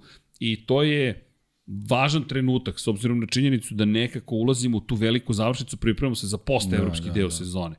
I onda, pobjeda u Japanu. I ti u tom trenutku baš imaš slično prošloj sezoni. Pa da, ali znaš kako prošla sezona, ono, kao što smo malo prekli, mi smo imali praktično dvojicu šampiona. Nema šta, Jest. znači Gardner i, i Raul Fernandez su kogod je svoju titulu, niko ne može da kaže da Tako nije. Je. E sad ovde imaš situaciju što imaš Augusta Fernandeza koji je, koji je postao svetski šampion, on je neka mi sveta i onda imaš Aje Guru koji je mis fotogeničnosti. Bukvalno tako ispadne, jer ti sa jednom trkom ovaj, si uprskao čitavu, se, čitavu sezonu, a, ali te niko ne gleda kao čoveka da kažeš, e, baš, baš šteta što, što ovaj, nije i on svetski šampion zato što ta greška prvo u Maleziji uh, je potpuno bila atipična za njega i, i, i, i generalno njegovu vožnju. I zbog toga mi je jako žao zato što bukvalno u borbi sa Augustom Fernandezom nije imao priliku da ima žutu minutu, loš dan, jednostavno morao je da da ovaj da sve od sebe, što je on naravno i uradio. E sad jedino je problem što smo i u ranim sezonama kroz njegovu prirodu videli u stvari smo verovatno zato je toliko i dugo čekali na prvu pobedu. On nije, nije bio čovek, niti je i dalje ovaj čovek i vozač koji to tako seče i, i preko kolena se bori za, za, za, za taj najviši plasman, nego jednostavno marljivo skup, skuplja bodove, uh, zadovoljen je određenim situacijama gde bi možda neko tražio nešto više i onda ta trka u Maleziji, sve to, sva, sva ta neka filozofija koju se nam pokazao jednostavno kao, kao da se ne, ne, ne znam šta se desi, kao da mu je neko sleteo na rame i ubacio mu nešto ispod kacige, ovaj, ne, ne, ne, neku drugu komandu. Mislim, stvarno onako, ne, ne, ne mogu, teško je reći da je to početnička greška. On je vrlo, vrlo bio svestan šta radi, ali zašto se odlučio na onaj potez da, da, da onako, ovaj, ne znam, ako, ako neko nije gledao, znači čovjek je jednostavno krenuo manevar, Iz tolike daljine. Iz tolike daljine, Mi smo da... Po, potrebili izraz, pokušaš da skočiš sa terase na što terasu. Što je sad na, najgore i, i, i režiser u prenosu izabrao sasvim slučajno tako dobar ugao da jednostavno u trenutku kad smo videli da čovjek reći u manevar, ja mislim da je svima apsolutno bilo jasno da, je to da je ne, nemoguće manevar. da se desi i, i eto, mislim, zbog, zbog svoje ogromne greške većina je rekla pa da, ok, ako si to uradio ti zaista onda nisi ni zaslužio titulu, što je velika šteta, ali generalno ako, ako to može da bude kao neka utešna nagrada, mislim da je Ajo Gura pre svega najprijatnije iznenađenje sezone, velika je šteta eto što nije, nije uspeo da, da stigne do senzacionalne titule, ali to bi stvarno tako bilo, ali, ali eto, generalno jedna dobra sezona, jedan loš potez i, i eto, sve, sve padne u vodu, mada Ovaj, sad ne znam da li, da li je zadovoljenje da, da se zoveš vice šampionom Moto2 kategorije, ali ovaj... Nešto mi ne zvuči baš. Neto, da, kažem, ne možeš jednostavno da budeš zadovoljan zato što sve što si uradio bukvalno, eto, si jednom pogrešnom odlukom precrtaš i, i, i ovaj, daš pre svega glavnom favoritu za titulu priliku da, da uradi to što je naumio. Meni liči na Marka Webera iz te perspektive. Imaš jednu šansu, ako je ne iskoristiš, neće ti se vratiti ta šansa. To je moj utisak. Zašto? Pa, evo pričaj sada o tome da li je dovoljno biti vice šampion. Prvo spomenuo sam malo pre i Jordana i Chicago Bulls i tako dalje. Oni, on je čovjek bio ubeđen da je titula njegova i da je samo pitanje trenutka i toga šta sve treba da uradi da bi kao ekipa oni osvojili titulu, to je da, i on do, da on dođe do titule šampiona sveta. Kod Ajo Gure nisam siguran da baš postoji toliko ubeđenja ja sam šampion sveta, kao na primjer kod Pedro Acosta. Ja sam siguran da Pedro Acosta ne razmišlja na drugačiji način. Ne, apsolutno ne. Pa znaš kako, meni nekako uh, prethodna trka ta u Australiji, kad je Augusto Fernandez pao, gde je Ajo Gura bio, jednostavno nigde ga nije bilo. 11. Gde, gde, gde se tvoj rival pre svega bori glavni rival za titulu bori da, da, da ostvari neki plasman, ne uspe u tome, jednostavno ostaje bez bodava, a ti praktično na toj trci nisi uradio ništa više. Tu si mogao da završiš. Tako je. Tu završavaš je, posao. Je. Jer ti možda zvuči surovo. I sad ta konfuzija možda zbog, zbog svojih razmišljenja za Australije su dovele u Maleziji do, do, ove, do, do te jako loše situacije. A opet s druge strane, njegov pad u Maleziji što se tiče Augusta Fernandeza nije prošao, iako je, vidi se da je, da je bio u nekom padu forme, on je ipak osvojio priličan broj bodova i tamo.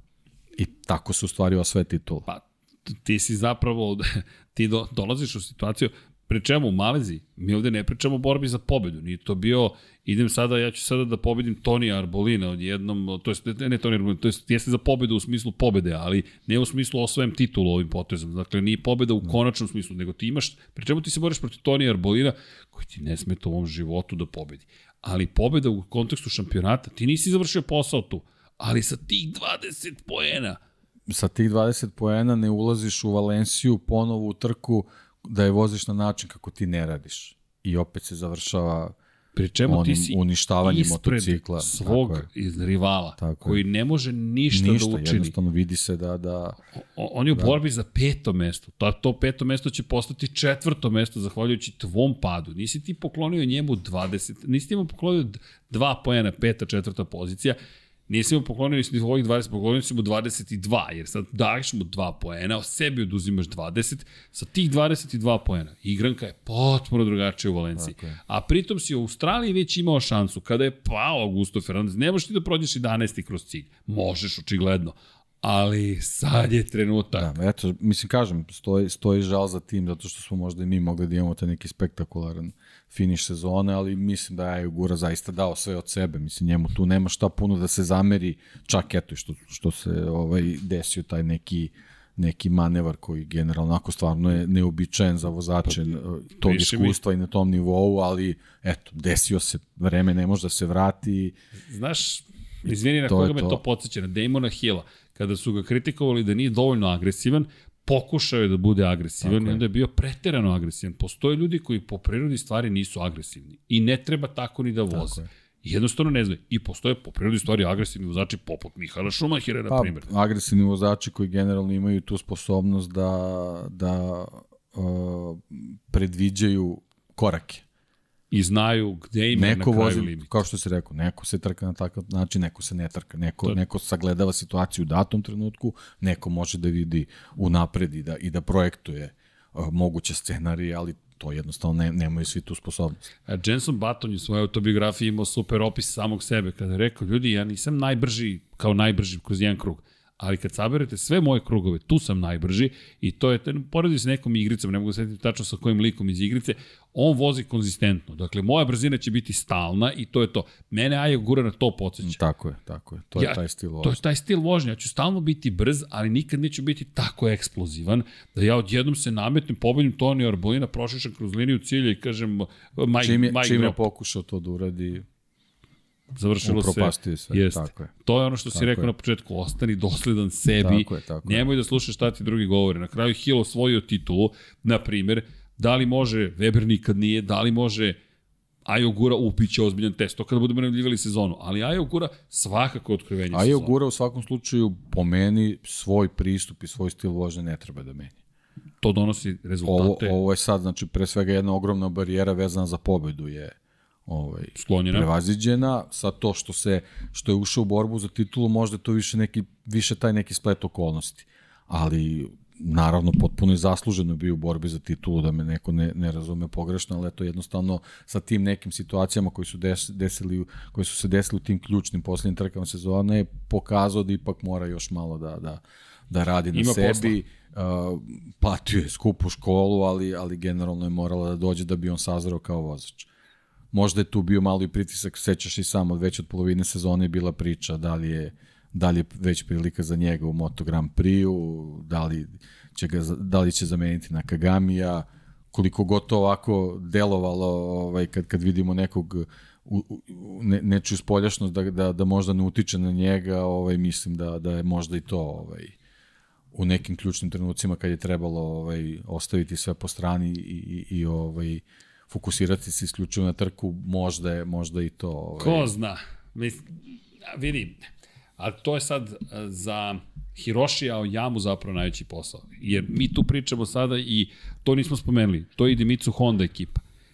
Hiroshi Aoyama je prvi put bio u karijeri u ovoj situaciji u Moto2 klasi. Do sada je on imao tim koji uglavnom se bazira na tome da povremeno ostvari neki dobar rezultat, konkretno mislim i na Takakija Nakagamija, i da uvede neke nove klince koji konkretno dolaze iz Japana i iz Azije u šampionat sveta. To je u Moto Trojkama bio slučaj. Sa Ajom u Gurom oni su prvi put došli u situaciju da nemaju samo čoveka koji se povremeno nađe na pobedničkom postoju ili pobedi ili je tu negde, nego koji zaista može da se bori za titulire. Zašto verujem da da postoji šansa za Oguru, ukoliko ovo što si lepo rekao, se malo poradi na pristupu ekipnom i naravno na, na tome da ostane dosledan sebi, upravo u toj činjenici da je bio šampionski kandidat u Moto trojkama i sada u Moto dvojkama. Mogu da prihvatim da je jednu slučajnost, ali dva puta da se ti boriš za titulu... Ne, mislim da ova godina pokazala pre svega eto kao ohrabrenje ekipi da zaista imaju dobar motocikl. Mislim, obojica vozača su to pokazala nesporno. Ovaj, a sa druge strane Ogura je pokazao ono što je, što je pokazivao i u Moto trojkama da je vozač koji stvarno ume u, u serijama da, da vozi da vozi dobre trke. E sad, to, to, to je ono, ono, ono ključno što treba da, da se desi, da te serije traju što duže. Pa I, da, i to je i to je ovaj ključno mislim da sad više ni kod njega nije situacija da je bitno da voziš 22 trke u sezoni i da na svima osvojiš bodove. Ne, nego da voziš 22 trke u sezone i u sezoni da njima osvojiš mnogo bodova. To je bitno. Znači 2, 3, 4, 5, tamo neko deseto mesto, deveto, to više ne treba da budaje ogura, kao što recimo u Moto trojkama. Peto, četvrto mesto i ni makac dalje ali kao ja sam osvojio bodove na svim trkama. Da, ali bio si jednom na podijum ili ni jednom. Znači, ne može, to, to, to mora više, ti znači, sad najgori mora, rezultat. Sad mora lestica da, da se, se digne. Zapravo tako invirtuje. Tako Četvrto, peto mesto su ti najgori rezultati. Tako je. Tako I to je to. I to je to. Jer kada pogledaš i Fernandez Posebno sa ovom konkurencijom koja ga čeka sledeće sezone. Pedro Acosta sa ovim, pazi, ajmo Pedro Acosta, ajmo vozač po vozač samo, samo kratko, Pedro Acosta, Delo je početak sezone ok, turbulentan. Te 12. si, pa 9. dobro, on je, on je čovek koji je došao u šampionat da te je. kući da vozi. Znači, to je neko pe, neki period prilagođavanja gde smo videli da je prošao Augusto Fernandez. Znači, to je potpuno, Normalno. potpuno ok. Znači, dolaziš u jednu mislim, on nije menio ekipu, ali dolaziš ipak u, u mnogo ozbiljnije okruženje, to je... Drugačiji su moto, moto trojke. dvojke, to je već nebo i zemlja, to baš nije, nije ista priča. Nije. I priprema motocikla i priprema vozača i sve, sve je tu drugačije. Ovaj, tako da, da, da taj neki početak sezone za njega bio očekivano težak i njega je zakačila taj Portugal koji nije trebao da se desi na taj način kako se desi, kako se desi, ali meni je ključna trka ta francuska bila to gde je, ti kažem, Le to je, to je bila prilika prilika Ti ga za, vidiš kako se bori. Tako, bila prilika za pobedu, smo videli čoveka znači koji bukvalno posle šest trka, u stvari u sedmoj trci sezone, jedan ruki ne, ne da koristi loše situacije drugi, nego ti vidiš da on uhvatio svoj, svoj tempo i da, da je to Akosta stil koji vodi do pobede. I dobro, desi se pad, jednostavno takva je, takva je situacija bila Dobro, na stazi. Dobro, je malo više nego što je mogao. Tako je, okej, okay, to je opet, da kažem, i škola za njega. U stvari njemu je ključan trenutak sezone bio, bila, bio taj, taj trening, taj pad ovaj, i lom, lom kuka na, na, na motokrosu. U stvari toga je u stvari usporilo u tom napretku, ali, ali generalno mi imamo ekstra talenta koji u svojoj prvoj sezoni u moto dvojkama a, zabeležio pobedu, mogao da mogao je ovaj da ih ima da ih ima i više. Ja mislim koliko on zabeležio, čini mi se, samo da vidim, tri pobede, al tako? Augura? E, uh, Kosta, Kosta, izvini. Čini Kosta je zabeležio tri, tri pobede. Tri pobede, znači mogle da ih bude i više i uz jednu tešku pro, povredu, propuštanje trka, on je, on je završio šampionat kao peti. Vidi. To je, to je ozbiljan rezultat. A, ima jednu pobedu samo manje od Augusta Fernandeza svetskog šampiona. Ima Tako isti je. broj pobjeda kao vice šampion Aji Ugura. Tako je. Ima tri pobjede više od Arona Kanea, koji još uvijek nema pobedu u karijeri. Ima isti broj pobjeda kao Celestino Vieti i ima više pobjeda od Tonija, ne, ima isti broj pobjeda kao Toni Arbolino. S tim što ima propuštene trke. I polomljenu butnu kostu da, u treningu. On dve trke manje ima od, od ostalih. Jeste, pri čemu, deki, polomljena kost, tako čeka, tako on je slomio nogu, čovjek butnu kost je slomio. Mi pričamo da. o nekome koji je imao ozbiljan problem ove godine iz zdravstvene, iz zdravstvene perspektive prošle godine, to je sada već pretprošle, 2021. kada je osvojio titul iz prvog pokušaja u Moto Trojkama, nije to bilo prvo sedanje na Moto Trojke, o tome smo mi često pričali. To je bio moment kada je on zapravo ušao u svetski šampionat, ali on znao Moto3 motocikl. Možda ne na tom nivou, tako je, tako ali je znao. Ovo je prvo sedanje na Moto dvojke, pri čemu skoro 140 konjskih snaga, obrtnom momentu, da ne pričam, teži motocikl, mnogo sofisticiranija mašina i nešto što trebate nauči kako zapravo da voziš u Moto Grand Prix. Da. I to su znači, ozbiljne posle, prepreke. Posle Katara, ajde da ga ne računamo, posle, pr, posle prva trka, imao si tri trke van Evrope i on je u Portugalu gde su svi popadali, svi praktično popadali. bio u vodeći grupi. Jeste, već znači, tada je bio. Na, na petoj trci sezone. I u to sedmoj se bori za pobedu protiv klubskog kolegi. Je. I, I dobija ga. I dobija ga. da, bukvalno ga dobija. je u trci koji je jako važni za tipskom kolegu. Tako je. I dve nedelje kasnije dođe u Mugello, jednu od najbržih staza i kaže, ovo je moja staza. I pobedi. I to je ta pobeda. Pazi, Mugello. Mugello je brz, dugačak, zahtevan, traži hrabrost, traži umeće. Sve on to reši u svoju korist. Sad si, sve si rekao sad s ovim, s ovim rečima, tako da da, da ne najavljujemo sa 23. Ali, ali, ali to je to. to obećava. Je to, da, da. Obećava. I, I to, to je ta neka grupa vozača. Ima još dvojcu koju bih zaista trojicu ne bih, pre, ne bih dužio, pošto zaista nećemo, možemo da analiziramo za ovih neke stvari, ali Aron Kane, još jedna ista priča, dakle, nema pobede i pa vrtimo se u krug. Mislim da njemu taj, taj, taj psihološki moment, ta, ta rampa vezana za pobedu, da je stvarno ovaj, njemu, njemu veliki pritisak, ovaj, tako da ovaj, mislim da je to jedina stvar koja, koja treba da se desi da bi dobili nekog Arona Kanea na, na višim nivou. Ja verujem da ni njega ovo ne zadovoljava ovaj, da, da, da, da se ovaj, ova situacija ovako ovaj zadrži, ali jednostavno njegov, njegov mentalitet uh, mu pravi prepreku ovaj, da, da napreduje bez te pobede. On je jednostavno bio u situacijama da, da mno, sa mnogo drugih mesta, bukvalno do kraja sezone, ovaj sebe drži u samom vrhu, ali on je jednostavno čovek koji ta tanka linija između, između podijuma i, i same pobede njemu, njemu predstavlja problem. Tako mi deluje. Kada pogledaš mašnu, meni je to upravo potvrda tvojih reči. Gde je on govorio mesecima, leptir mašnu ću vam objasniti šta znači, šta znači leptir mašna kada pobedim. Na kraju je on odustao od toga, on je imao toliko da. potrebu da ispriča zašto nosi leptir mašnu i da se osjeća neprihvaćenim zbog svojih tetovaža, da nije izdržao na kraju. Da, ja mislim da. da je to dovoljan pokazatelj. Kad imaš momka koji je toliko siguran da će pobediti uskoro i da može da otkrije tajnu, i više nema snage. Da.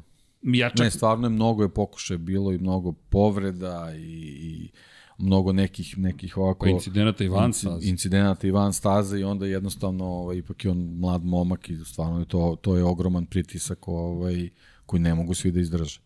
To je jednostavno to tako da ovaj uh, kažem, ja, ja samo želim da vidim tu prvu pobedu, ne, ne samo da bi se on upisao sad na, na tu listu, ovaj, nego jednostavno da vidim da li će zaista ta pobeda da, da nam donese nekog novog kanea posle, posle nje. Jer on ju pokazao da je brz definitivno. Znači to i to ne, ne samo da je na pojedinim stazama ovaj, dobar, nego jednostavno broj staza gde, gde je on konkurentan je sve veći i veći, samo što jednostavno eto, ta, ta barijera nikako da, da, da se prelami. Pre, ja se nadam isto kao i ti. Jel on, on, da nju, on nju gleda kao, kao neko, neko svoje dostignuće. Znači, uh, umesto, umesto da gleda Ne, ne umesto da gleda, pa. ne, ne može to tako, tako da se kaže, zato što to onda nije, nije, nije ovaj trkački mentalitet. Jako je važno da, da, da, da nekako sebi postavi tu situaciju da je ta pobeda 25 bodova, da je drugo mesto 20. I da na taj način gleda, onda će možda doći ta pobeda. Ako, nju, ako nju gleda kao nešto Posebno. što treba da se uzme sa neke visoke police, to to može da predstavlja veliki problem. Isto Ili neki neosvojivi vrh. Pa ti sebi psihološki praviš prepreku ovog. Onda je ove neke trke koje nije završio upravo zbog toga Deki, da ih je gledao kao 20. Amerika. Tako je. Amerika. Ja, ja, ja sam to cele prošle sezone govorio, ta trka je jednostavno pokazala u stvari koliko mu je opterećenje ta, ta pobeda. Ti imaš dve sekunde prednosti i ti padaš. I, i, onda, i onda to ponoviš.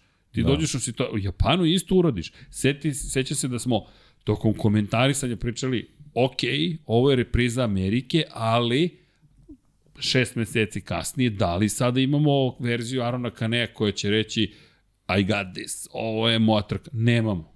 I posle tog Japana, osmi, deveti, osmi, još jedan pad u Valenciji, to je to. Nekako slab kraj sezone. Sa, Držimo slab kraj sezone, on je generalno, eto, treći u generalnom plasmanu sa 200 bodova. To uopšte nije, nije loš rezultat u, u Moto dvojkama, ali eto, kažem, bitno je bitno je da da nekako taj taj taj svoj uh, mindset malo malo promeni, ali mislim da će to biti teško pre svega zbog tog njegovog mentaliteta. Mislim da i dalje Žarko želi tu tu pobedu i mislim da će se to i nastaviti ako recimo dobro uđe u sledeću sezonu. Ako bude bio siguran da ima dobar motocikl, nje, nje, jedino što će ga zanimati je stigne do te prve pobede. To je to je to možda bude prepreka za njega. Držimo Ako palčeve. malo promeni tu tu čitavu priču, mislim da da ovaj da možemo da imamo i, i njega ponovo u, u vrhu kao konkurenta za titulu. Da probamo samo brzo par stvari. Alonso Lopez, deki, Novajlija de facto, čovjek se nije pojavio na stazi u prvih šest trka sezone i onda se odjednom pojavlje, prva trka nije spektakularna tamo pa, dobro, malo, malo ovaj, uhodavanju i igravanju. Okay. I onda da. osmi, da. osmi, sedmi, šesti, drugi, sedmi pobeda na speed-upu koji godinama nije pobedio, onda pad u Aragonu, pa kao neki povratak u stvarnost, aha, ipak polako, pa treći, pa peti, pa pobjeda, pa drugo mesto i na kraju, ok, nije završio Valencijinu, bizarno, trkao sa Pedrom Kostom, zaista mistična borba, ne, ne, da, ni, ni sad mi nije jasno šta je zapravo hteo, kao što je rekao i Pedro Costa, ne, ne razumem. Deluje mi kao da razume, kao da, se, da zna šta se dešava, šta je iza kulisa, ali baš frapantan kraj sezone. To je jedino što moram priznati da mi je Ovo negde Rebus ostavio. Pa malo je onako pokvario, neka, neku, Otisak neku gorčinu je da. ovaj, uneo tu čitavo svoje izdanje, pošto men, men je stvarno onako oduševio Isto. načinom kako se uklopio u čitavu priču, ali ta Valencija ne, ne Sav je bio harizmatičan, da. pozitivan, brz, Znaš, zahvalan. Da se, da se u trenutku desi neka loša odluka, to, to je okej, okay, ono da nije bio u trenutak. kontinuitetu ovaj, radiš tako loše stvari, to je stvarno... Meni ono delovalo lično. Da, da, da. da. Baš mi ali, delovalo lično. Ali ne razumem pozadinu kako god, priče. Kako god, da. da. Ali, ali se meni se čini na osnovu kostivnih reakcija koji kao da ne želi ništa da kaže tu i da je rešen da to rešava negde drugde. Da ali baš ne prijatan utisak, ali ok, ajmo da kažemo, možda je bila žuta minuta, dešava se, možda neki trenutak negativne inspiracije, ali impresivne vožnje. Alonso Lopez koji mi je isto posebna jedna priča. Jeste, jeste. Bez angažmana dolazi da zameni na jedan ružan ne, način kvalite, kvalitet je, Fenatija. Sve okej, okay, da, ali kvalitet je pokazao sad ovaj, samo da ne nasledi Fenatija ovaj, sa tim nekim ispadima svojim. Jer to je kao, kao ukleta pozicija. Da, lepo si tu spojio, nije mi to palo na pamet, iskreno. Da, ali da. bukvalno on je zamenio Fenatija koji je imao baš te momente nekih zaista ružnih poteza, hajde da držimo palče da zaista bio izuzetak neki i da će neko s njimi porazgovarati i da mu skrene pažnju, mada Bosko Skuro baš mi ne obećava kao taj tim. Malo mi deluju kao oni loši momci. Da gde moraš da imaš jednu ekipu koja je bad boys. Bad, baš su bad boys i kažu ovo je naš stav, ovako mi funkcioniš. Ko Detroit Pistonsi, ako smem da opet upotrebim tu analogiju, ali nekada davno. Tamo iz 80-ih, to, ali verujem da svi znaju te pa da, ali, bad boys. Tad su nekad, neke situacije smišljeno rađene. Jesu. Ovo baš i ne deluje da ima neku taktiku. ne, ne, ne, nije mi baš bilo jasno, moram priznati. Da, što se tiče Pistons, da. oni su znali šta rade vrlo dobro. oni su koristili svoje adute. A ovo baš, baš nije delovalo da je neko baš razmišljao kad je, kad je radio, ali dobro. Ali ok, da, da, da sačekamo svakako lepa priča, bez Vidjet angažmana. Vidjet ćemo da li se izduvao ili će da nešto prenese u sledeću godinu, što ne bih volao da se desi, pre svega zbog talenta njegovog. Pa pazi, ovo je neverovatno, da. ti sedneš na motocikl koji ti je, neću reći nepoznat, ali s obzirom na činjenicu da si vozio taj, taj motocikl u šampionatu Evrope prošle godine, vozio sa Ferminom Aldegerom koji je doveden u ekipu speed upa. Fermin koji je završio 15. u šampionatu, mi bi trebalo da hvalimo Fermina, ja ne mogu da ga hvalim kada je tek kraj sezone vratio nama Fermin Aldegera nekakvu igru dominirao u šampionatu Evrope, sve pobede osim na jednoj trci gdje Alonso Lopez slavio, klubski kolege, druge pozicije stalno imao Alonso Lopez, dva četvrta mesta kao vrhunac sezone za Fermin Aldegira, nije bio na pobedničkom postolju, a s druge strane Lopez koji se probio na osmu poziciju bez obzira što prvih šest trka nije vozio. Čovjek zabeleži dve pobede i, i čuvenu pobedu u Australiji gde on imao kaznu pre početka trke dugog kruga. Odradio dugi krug i zadržao vodeću poziciju i odjedrio negde tamo u daljinu. Zaista neverovatan. Da. I slaže se da držimo palče ali bajkovita da, samo, priča. samo da eliminišete eto, te, te neke momente očigledno kojima je sklon kao i u Valenciji mislim da imamo odličnog vozača u seriji. To je da, bit. definitivno te neko koga treba pratiti. Imamo Tako i Jakea Dixona koji je često na pobjedičkim postonjima, ali mislim da njemu nije čak ni kao situacija kod Kanea, nedostaje ipak taj moment da dođe do samog vrha i da sa sobom bude miran, ali mislim da nije ni toliko talentovan ko koliko jeste Aaron Kane. Mislim da je veliki radnik Jake Dixon. I sad samo da vidimo da li će mu to pomoći da, ove godine. Da. To je moj utisak o Jakeu Dixonu, da je zaista radnik i da zaslužuje poziciju u kojoj se nalazi. On ostaje u gas gasu, ostaje u ekipi Jorge Martineza Spara, samo da samo da li može sada da nađe ono što je neophodno da budeš pobednik. To mi nekako pa, ostalo to je, misterija. To je, mislim, to je nekako onako i, i preporuka za njega, pre svega zbog zemlja, dakle dolazi, uh, svaki njegov dobar rezultat će biti puta tri propraćen u odnosu na neke druge i nje, nje, poruke ka njemu vezane za, za dobre rezultate su vrlo jednostavne. On, on stvarno, on se čak i I u prvoj priči kad se, kad se spomenjao Gas Gas kao ekipa koja stiže, kao brend u stvari koji stiže u Moto Grand Prix, Jake Dixon se našao u priči da će on dobiti poziciju. Tako da ovaj, njemu su svi putovi otvoreni, ali upravo to što kažeš, taj svoj rad mora da pretvori u nešto bolje rezultate, da bi, on čak, čak mu nije ni neophodno da, da se nađe u samom vrhu, da bi eto ta, ta, ta neka konekcija koja postoji proradila i omogućila mu da, da stigne u Moto Grand Prix. Šest puta treći je bio ove godine. To nije malo. To je nije skoro malo, trećina nije, sezone provedena na pobedničkom postolju. Svaka čast, pazi, na kraju sezone one, šesti one u prvoj... suze od pre dve godine iz Lemana u stvari pokazuju da je on vozač koji, koji tu pobedu vidi kao nešto što, što se nalazi mnogo, mnogo visoko. Jednostavno, eto, posle toliko već iskustva u, u toj kategoriji on kao i Kane mora, mora na, na tu pobedu malo drugačije da gleda, kao nešto što, što mora doći, a ne, ne da, je, da je toliko nedostižno. Da, kada pogledaš e, te neke ključne trenutke u ne, karijerama, taj Le Mans i pad po kiši u momentu kada ima pobedu praktično u ruci, baš može biti skup. Ali dobro, napredovo je, ima, Tako ima je. podršku, ima podršku iz perspektive Nisu, nisu države. svi isti, ne, ne, ne podnose svi ovaj, takve stvari na, na iste načine, ali eto, na njima je da uče i da eto, probaju da se priključe vrhu samo. Da. I ostaje nam samo još Somkijat Chantra i Joe Roberts. Somkijat da. Chantra Pa obojice su pokazali da su brzi, Chantra onako, toplo, hladno. Baš je toplo, to je, hladno. To je jednostavno tako, ja njega stvarno ovako simpatišem pre svega zbog tog njegovog nastupa i svega, ali ne, ne znam, nisam siguran koliki je potencijal da i on može ovaj, da, da u nekim velikim serijama nosi, nosi dobre rezultate i mislim kod njega generalno je stvar inspiracije vezane za, za, za ovaj dobar učinak što u, u sezoni sa ovako mnogo trka nije dovoljno, tako da jednostavno mora, mora to, to mnogo, mnogo bolje da bude i ono što se vidi kod njega, kad nema osmeha na licu i rezultat je loš. To, Baš je emotivac. Mora, mora, mora opuštenije malo da bude. I to je to. On kad je opušten, sve je okej. Okay. Baš leti. Da. Baš se igra sa što se tiče Joe, Joe je pokazao već da je brz.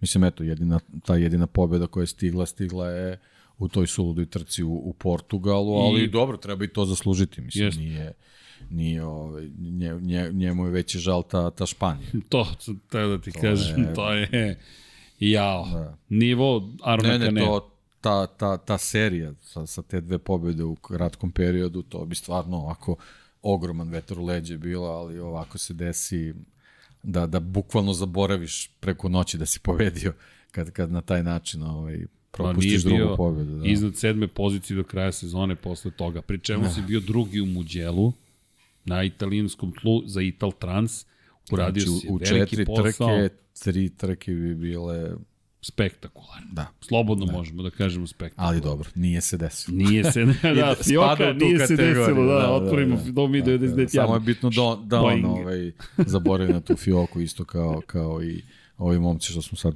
pre njega smo ih spominjali, naravno. Ali generalno kažem, to je to, to je taj top 10 od prošle to godine to. i tako zaista jeste. Eto to. E sad, za 23. sada ne otvaramo ko tu još ne, može da se priključi, to, to će, ali ima tu i ali arena, sad treba su, spomenuti, ali, ne, nećemo ali da ne otvaramo sada. sada. To će, doći će tako vreme je, za to. Mi, mi kada je, pogledamo, je. kada pogledamo celu godinu generalno, Augusto Fernandez, e, šampion koji... A zašta mi je specifično kod Augusto Fernandeza? Čovek koji je najavljen, ti si ga najavio kao šampiona sveta i to je postao, ali nekako drugačije nego što smo očekivali da će se to desiti da. protiv rivala. Ja, ja sam iskreno mislio da će očekivali. biti mnogo, mnogo jednostavnije, ali eto ta, možda nismo uzeli obzir tu, da kažemo, kompletnu sezonu, jednostavno period nekog prilagođavanja na nekim stazama na kojima ovaj, se, se nije vozilo u prethodne dve sezone i onda eto još taj neki nezgodan element vezan za, za taj Portugal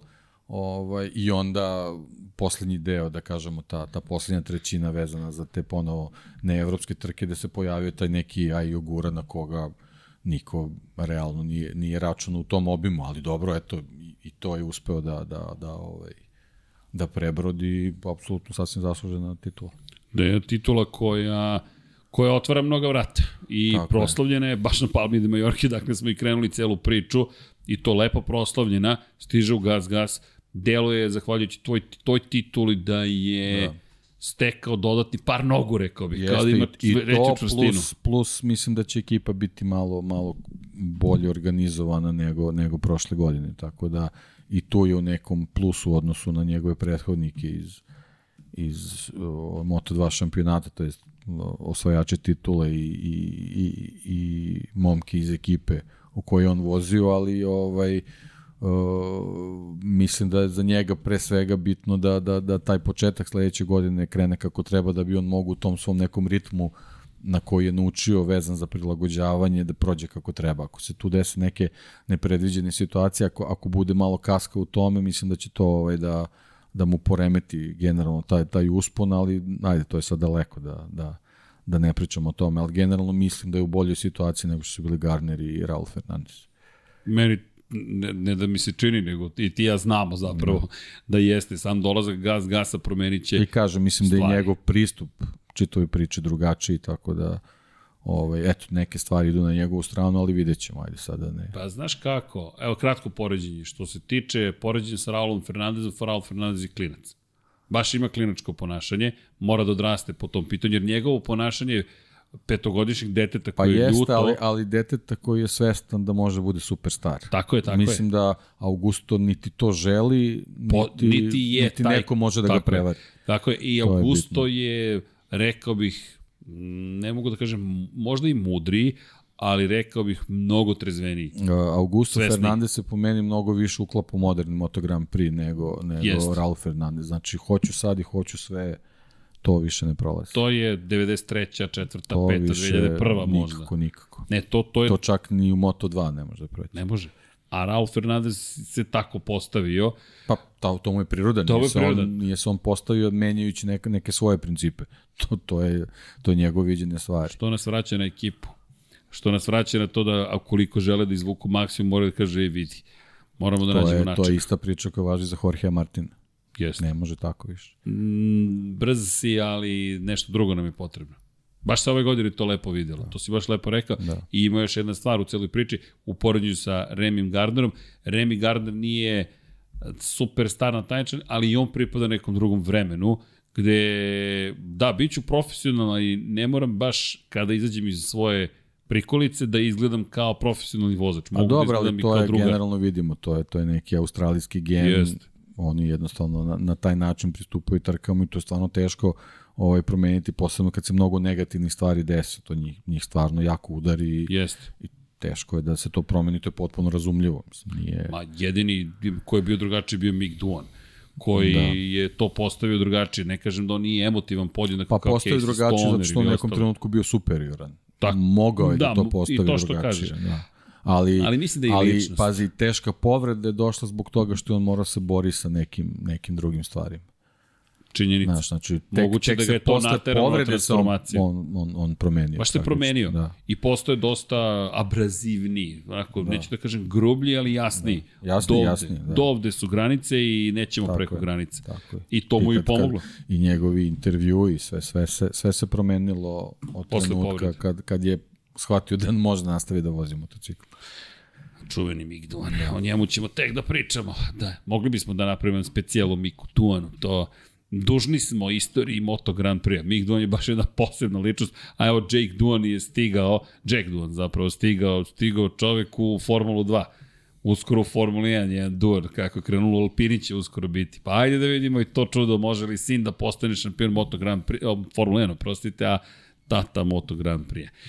Nećemo zaboraviti ni Moto 3 kategoriju, Izan Guevara je osvojio titulu ove godine, 62 poena prednosti na kraju sezone, ja bih rekao samo Izan Guevara. Kada pogledaš njegov napredak... Pa rekao bi Izan Guevara i Sergio Garcia. to je to. Pa Denis Fođa... To je to. Ne, ne, ne, da nego čisto, ali... čisto ovaj, vezano o, za rasplet situacije. Jest. To je to. Izan Guevara je bio Izan Guevara, Sergio Garcia je bio Sergio Garcia. I to je to. Za one koji traže poseban opis, kada krenemo od Sergio Garcia, biće lepih trka, biće pobjeda, biće uspona, ali biće nažalost i padova. I u formi i Posebno kad je Bukvalno, frka, kad da. je frka njega nema. Nema ga. Nema poslednja pobjeda kod njega u Muđelu i posle toga više nema pobjeda. Ne, nestao je nekako, ok, tu i tamo treći, ali taj period od Velike Britanije do Tajlanda, u Velikoj Britaniji ne možemo da pričamo samo o Sergio Garcia. Garcia je izbačen sa staze tuđom greškom, ali je takođe izbačen tuđom greškom i Izan Guevara u toj istoj trci. Kao da je neko pisao neki ludački scenarij u kojem pobeđuje pritom Denis Pa ne, dobro, znaš, sad je to ono, znaš, stavljati te tasove kao, znaš, da, ovaj je bio ovde dobar, ali to ne ide. Kad je 62 boda razlike, ne to nema razloga da, da se priča na taj pa, način. Pa pogledaj samo broj pobjeda. Da. Izan Guevara kada je u Španiji počeo da pobeđuje, On čovjek do kraja godine 7 pobjeda zabeleži. Ukupno 7 pobjeda ove sezone. Teško Ma, da može... sve je okej, okay, ali, ali manevar u Valenciji sve objašnjava. Jednostavno, sve objašnjava. Jest, dobro. Valencija za kraj sezone protiv Deniza Ondžua, ako nije gledao trku, pogledajte Ondžu koji je ubeđen da ima pobedu u svojim da. rukama i koji još pokazuje manje više ekipe, ej, I got this, ovo je sređeno, Kenan Sofoglu, legendarni petostruki šampion sveta u supersportu iz Turske, sedi tu. Sedi tu Džan Ondžu, njegov rođeni brat, koji je pobedio na toj trci i postao najmlađi pobednik svih vremena, 15 godina i 115 dana. Čo, I to će i ostati jer ne možete da vozite više mlađe od 16 godina, kamo, međutim mlađe od 18, osim u nekim situacijama, ali dobro, sedi pored njega, ko je što bio? Toprak razgatli oglu, svetski šampion u Superbajku, u tom momentu tri turska predstavnika najveća koje ima turski motociklizam Bata Deniz koji juri svoju pobedu, jel te, prvu u karijeri, koji gleda ka semaforu, ka monitoru sa leve strane i poručuje, ej, lagano. I ima brzinu, ali, ali, svetski šampioni i, i to je, to je opet rečenica iz drugih sportova. Ne možeš da, ne možeš da zadržiš velikane. I to je ono što je zaista veličina. Ti kada gledaš futbol, košarku, hokej, američki futbol, ne znam, koji god hoćeš sport. Znaš jedan moment, deluje ti, ma, so, ma, ma ka, nema šanse da se izvuče, ali ti znaš, ne da će da se izvuče, nego će sad sve da okrene, Da li je to Lewis Hamilton, da li je Max Verstappen, da li je Schumacher 98. u Mađarskoj. Ima dva McLarena ispred sebe, Ross Brown pita, može to i to, može, ajmo na treće stajanje, imaš 19 krugova da nadoknadiš 25 sekundi. Nema problema. E tako je Izan Gevara.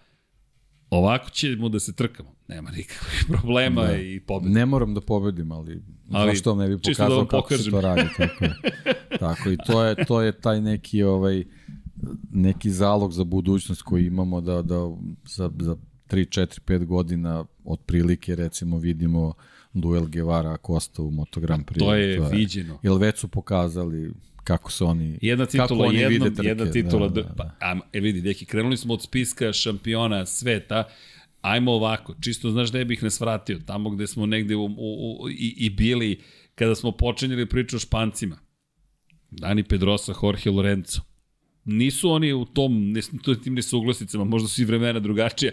Ko je to rekao? To je, pa je Zje Tomas je pričao o tome, kaže, danas je drugačije, danas kad izgubiš, e, hvala, zagrlite se, ljubav, važi, brate, sve super, top, levo, desno. Dani Pedrosa, Jorge Lorenzo, kralj Juan Carlos I Španije je morao da ih natera u Jerezu u Moto Grand Prix kada su stajali na pobedničkom postolju zajedno da se rukuju. Dakle, mi govorimo o dva velikana španskog motociklizma u sred Španije, u Andaluziji, kralj je došao, što u Španiji velika, velika, velika stvar uručuju im trofeje njih dvojicu, ma neće da se pogledaju i onda Juan Carlos koji vuče ruke jednom i drugom i obojica su, ma neću, nema teorije i na kraju ajde da se rukujemo. Ovde, Guevara Costa, ja cenim da će to još uvijek biti Ne, ovde je samo situacija, eto, zbog, zbog te, te ne, to nekog spleta okolnosti Guevara izgubio korak. Pa, korak i to to, to. I to je nešto što recimo Jakosti odgovara, on će ga čekati u Moto Grand Prix, tako da ovaj Što ne Čekamo mora... taj big clash. Pazi, da. Pedro se čekao Lorenza. Da, pa, da, da, nije da, osvojio da, da, titulu, a Lorenzo osvojio tri. Tako da ko to zna šta čeka. Ali, deki, moram da nas pohvalim. Pazi, dozvoli mi, neskromno. Naravno. Šta si rekao? A Costa, ja sam rekao Guevara još pre dve godine, ali to je ta generacija. Zajedno sa, nažalost, Čavijem Artigasom, kad kažem nažalost, koji nije nekako ostvario te uspehe, Pa dobro, ne mogu svi. Ali ne mogu svi. Ne mogu Mnogo svi. je, zamisli trojica. Ne mogu svi zato što stvarno moraš da, da, da, da budeš sazdan od nekog ovako posebnog materijala da bi mogo sve te izazove da, da, da ovaj, podneseš i kad se nađeš u nekim kategorijama do nekog nivoa kad dođeš jednostavno neko shvati da, da ne može to da, da, da nosi to je, to je potpuno prirodno. I... Da, je, da je lako svetski šampion biti i tako da. tako je. E, ali samo bih jednu stvar za, za Moto3 kategoriju. Posle pet trka, stalno spominjem te trke. Sergio Garcia, 83 poena. Tenis Fođa, 82 poena. 29 poena za ostatka za Garcijom ima Jaume Masija. Andrea Minjo ima za ostatak od 33 poena, kao i Denis Ondžu. Izan Guevara ima za ostatak od 35. Na kraju znači, on ima... otprilike kao i Adrian Fernandez. I, i kao Augusto, Augusto, Augusto i, Fernandez. I kao Francesco Bonjaje. Da. Šta je ova, ova godina 90 poena? Dakle, na kraju imaš prednost od 62, dakle 97 poena si preokrenuo odnosu na svog glavnog rivala. Ja, ja, ja stvarno moram da pogledam da li su imali ikada takvu sezonu gde su se potpuni spinovi. A ne, to je samo naro učenije da jednostavno prvih u, u, u ovim sezonama, posebno recimo Moto Grand Prix sledeće godine sa sprint trkama. Pet, pet trka i 100 Ma, bodova prednosti ne ma znači ništa ne znači. Ne Neko znači je računao preko 500 poena ćemo moći sledeće godine 500 tipa 20. Ne, nemojte mi držati za reč. 520 i nešto poena će biti na raspolaganju. Sledeće godine će biti baš teško računati kao šta ti sad neophodno da bi ti mogo da uđeš u neke kalkulacije. Jedan vikend menja sve. Ma, apsolutno. Bukvalno. ali dobro, da, da, da, da, ali, ali da, ali da. opet Banjajin preokret je najveći zato što se desio na polovini sezone u najčoj kategoriji protiv svetskog šampiona Moto Grand Prix klase, potpuno neka druga priča, ali opet mi je fascinantno koliko su zapravo velik put morali da prevale i jedan i drugi i treći, I mislim da je to dokaz jedne vrlo kvalitetne generacije svetskih šampiona. To je moj utisak na osnovu svega što smo videli. Nekako na kraju baš, se, baš je kvalitet izronio. Mnogo je trka, mnogo je putovanja, mnogo je velikog pritiska, ovaj, mislim da ne zaboravimo to, to stalno ovaj, uh, nekako ovaj, smećemo suma, pritisci su sa svih strana, iz da, medija, sa društvenih mreža, od ekipa koji jure za svojim profitima, ali ako je teško pre svega držati držati isti nivo sa ovolikim brojem trka, to su ogromna ulaganja i, i, i zarade i vozači su pod pritiscima da, da, da, da ne prave greške, da videli smo one, one snimke koji su proscurili iz 2019. i, i, to maltretiranje. Mislim, Užas. jednostavno uh, mnogo, mnogo situacija je gde, gde, gde jednostavno kako bih rekao, u timovima bukvalno kipteti ekspres lonci zbog, zbog razno raznih pritisaka i onda tako popuste po nekim šavovima i, i, i ovaj, kad vidiš tako neke vozače koji su uh, jako sigurni iz trke u trku, iz trke u trku onda stvarno shvatiš o kakvim se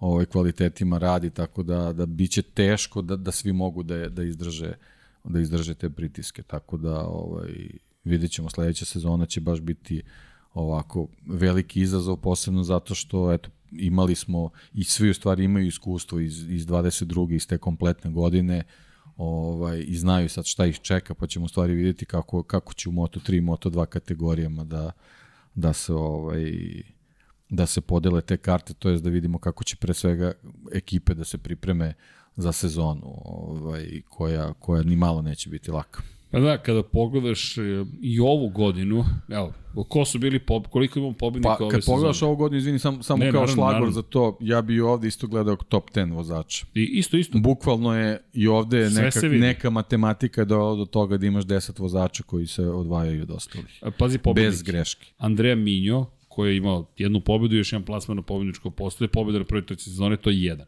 Denis Vođa drugi, Sergio Garcia treći, Jaume Masija četvrti, Izan Guevara, peti pobednik, šesti pobednik Ayumu Sasaki i sedmi pobednik nek na kraju godine, iznenađujući, ali predivni John McPhee koji mora da se skloni iz Moto trojki s obzirom na činjenicu da je više, ima previše godina za ovu klasu po pravilniku, ali kada pogledaš Denis Fođa koji je otišao u Moto dvojke, koji je imao na početku godine zaista dobar niz trka, jeste bio sedmi u prvoj trci, ali pobeda drugo, drugo mesto, čak i ta osma pozicija u Portugalu ga nije još uvijek bila previše omela. I onda niz katastrofalnih trka, pa onda povratak u toj Britaniji kada su odustali i Garcia i Guevara, pa onda odustajanje već u narednoj trci, to je nije odustajanje, 12. pozicija u Austriji, ne možeš da imaš takve trke u momentu kad ti se otvaraju vrata. Čak i tu su pogrešili i Garcia i Guevara, bili peti i sedmi, pobeđuje Fođe onda 14. pozicija u Aragonu katastrofa, potpuni pad forme. Pa si treći, to je pa si drugi, pa pobeđuješ, pa si deveti, pa šesti, pa četvrti. Ah, znaš, ne može, ali tu pokazati šta ti moraš da uradiš ono što je Izan Gevaro radio. Ej, moraš na vrh i to ono što si rekao malo pre, I ispod pete pozicije ne ide, što si rekao za Aja Guru, da, iste da. priče ovde. Jedino što mislim da će Ayumu Sasaki biti zaista opasan, jer mislim da smo videli da smo dobili sazrevanje Ayumu Sasaki. Pa ja mislim Ayumu Sasaki je baksu sezone. Tu Absolutno, ne, ne, to, to nema šta, ovaj, mislim da je, da je čovek koji je bio sad kad kad gledam iz ove perspektive, zacrtan da bude glavni rival za Nogiavari. Jeste. Ovaj, u sezoni nije se desilo pre svega zbog tog nekog lošeg početka sezona, onda kasnije ta povreda, jednostavno ovaj, toliko malera da, da Ma, niko pazi, ne može ništa da mu zameri. Ne započneš trku u Italiji zato što si pao i pregazio te drugi vozač. Pre čemu se Jaume Masi više šokirao tog, tog incidenta da, nego da. sam Ayumu Sasaki koji se vratio dve trke kasnije, ali propustio trku u Kataloniji imao je incident tokom trke u Kataru koji ima 5,5 sekundi prednosti, to je dobijena trka, gde ga motocikl malo izbacio iz ravnoteže i sedišta, ali on tako aterira na motocikl da pokida Pazi, da pokidaš nosač oplate motocikla, koji sad toliko padne da ti moraš da odustaneš od trke. E, koliko incidenata smo videli da vozači izlete, da, da jašu preko ivičnjaka, siđu sa staze, ne znam šta se sve ne desi i ostane motocikl dovoljno čitav, da ti možeš da nastaviš. On mora da odustane. Onda, onda napravi grešku u Indoneziji, odustane u Indoneziji, da. to je već ćao. I onda dve trke ne započneš uopšte i dođeš do toga da ti zapravo si, da. ko zna šta Kažem, ja, ja što se tiče ove sezone njemu nemam šta, ništa apsolutno da, da zamerim. On je samo jedan od primera recimo za ovu godinu koja nam je pokazala da da su postojale, što je bilo po meni neobičajno zaista za, za Moto trojke, osim Leopard u nekim ranim sezonama, da se dešavaju trke gde imamo ekipe i, i određene motocikle koji su mnogo brži od, od, od ostalih i da, da nemamo više one situacije sa onim ogromnim karavanima, da, da bukvalno na svakoj trci do finiša u poslednjih nekoliko trka se, se ne dođe do, do raspleta vezan za, za, za pobedu, tako da to je nešto što nam je Ayumu Sasaki doneo, onda su posle još neki vozači na određenim stazama ovaj, i, i, i pokazali, ali kažem, jednostavno što se njega tiče titula baksu za sezone i apsolutno nema šta da mu se zameri ovaj, na, na ovaj, vožnji, a, a što se tiče ovih vodećih, da kažemo, te, te prve četvorice, znači Izan Guevara, apsolutno šampionska vožnja, kvalitet, sve, sve ovaj, maksimalno. Sergio Garcia ponovo pokazao neke slabosti na što na određenim stazama, što u nekim raspletima, to je, to je ključna stvar koju mora da, da promeni, a Denis Vođa, klasičan Denis Vođa, znači brz je i čovek koji, koji sam sebe u nekim trenucima iscrpljuje tako što mora da juri neke razlike i onda troši više energije nego što je potrebno, onda, onda na neke trke možda dolazi i, i nespremni ili, ili kako god bilo, ali generalno mislim da njemu ovaj, tam Moto3 kategorija više ne treba da mu je bitno da, da, da to zaboravi i da, i da jednostavno krene dalje i da, i da pokaže koliko je, koliko je zaista brz. I eto, ajde već da, da, da pređemo onda ja dalje, Denis Onđu na petoj poziciji, kako bih rekao, konstantan napredak, učenje, Ej. Od, od, od, od, od momka koji je bio onako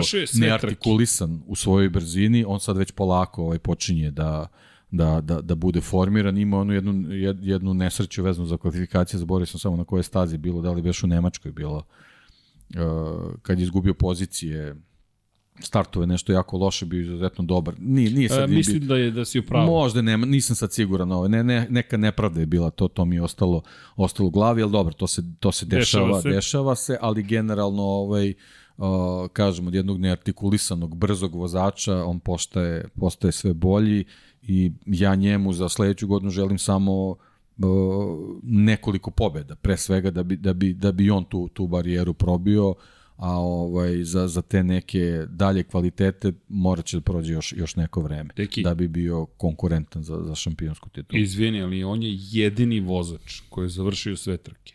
Tako je. Nije ih u poenima sve završeno, u Tajlandu je samo bio 17. Tako je. Ali kada pogledaš... Ne, ne, apsolutno sezona ne, nema na nižim pozicijama, tamo oko 28. 3. 30. Da. mesta, 23. Sad, sad nema nikoga ko je završio niko ko sa podsmehom može da, da priča ne, ne, ne. Denisu. Ne, ne, ne, sa dužnim poštovanjem. Znači, više, više slučajnost ne postoji. Tako je. To I je to. sad, kao što si rekao, da li će biti pobeda, neće biti, to je na njemu, na ekipi. Pa kažem, ali to, to je ono postoji. što mu želim da bi se on tu nekako malo, malo ovaj, pronašao sebe i, i vide u stvari šta, šta je za dalje činiti. Ima par Novajle koje bih istakao kratko, Diogo Moreira i David Munoz. Diogo Moreira, mm, kako bih rekao, ono što sam što sam sve rekao za Sasakija, ima izuzetno brz motocikl, ali moraju to da pretoče i, i, i u neku konstantnost, da, da na nekim stazama gde, gde nemaju samo prednost brzine, ovaj, malo, malo rasterećeni ulaze u trki i pokušavaju da osvoje više bodova, ali je pokazao talent uh, ovaj, bez, bez, bez greške. E, meni liči na mnogo ranije u odnosu na Deniza Ondžo kao čovek koji je shvatio šta treba da uradi da završava trke. Jer kada pogledaš od Velike Britanije, do kraja sezona je sve trke završio. Sve. Uglavnom je 6. Da. 7. 5. 8. i tako dalje. To je za Novajliju. Malo više sreće u gužvama, često izvuče deblji kraj bez, bez potrebe.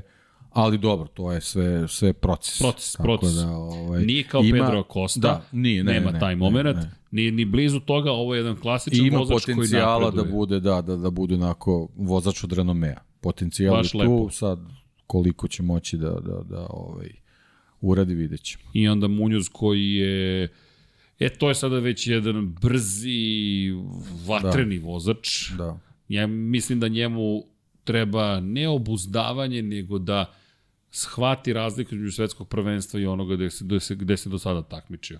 Da to ne može na isti način da bude rešeno. A dobro, on je, on je malo, eto sad ima, ima te, te modele u vidu Akoste i Gevare, pa on sad možda poželeo da malo neke stepenike preskoči, ali da. mislim da je shvatio da, da jednostavno ne može tako. Efekat. U stvari, ipak je suviše mlad, ne, nije dovoljno da samo on shvati, moraju ti koji vode računa o njemu da... Da, da, da mu ovaj, pomognu. Da mu pomognu. baš da, da mu pomognu, jer oni su stariji, iskusni, jest, njihova je jest, obaveza da mu pomognu. Jest. I, ali vidi se tačno da, da da ta sofisticiranost svetskog prvenstva, koliko god agresivan bio svetski šampionat, moraš da znaš da je to ipak svetski šampionat. Dakle, Tako neke je. stvari iz klubskih takmičenja, nižih kategorija ne prolaze. Ne, ne, ne. To je, to je ipak neka druga priča, bez obzira što su, kao što si rekao, motocikli slični iz tih nekih kategorija koji dolaze. Što, Ali to, to je jedina, jedina sličnost. To, to, to, to, to je jedino što to je liče. To. Imaju, to imaju iste speci, osnovne specifikacije, ali to je to. Ali zaista pohvale za, za za Bilo je naravno standardno u Moto trojkama momaka koji su se isticali više ili manje.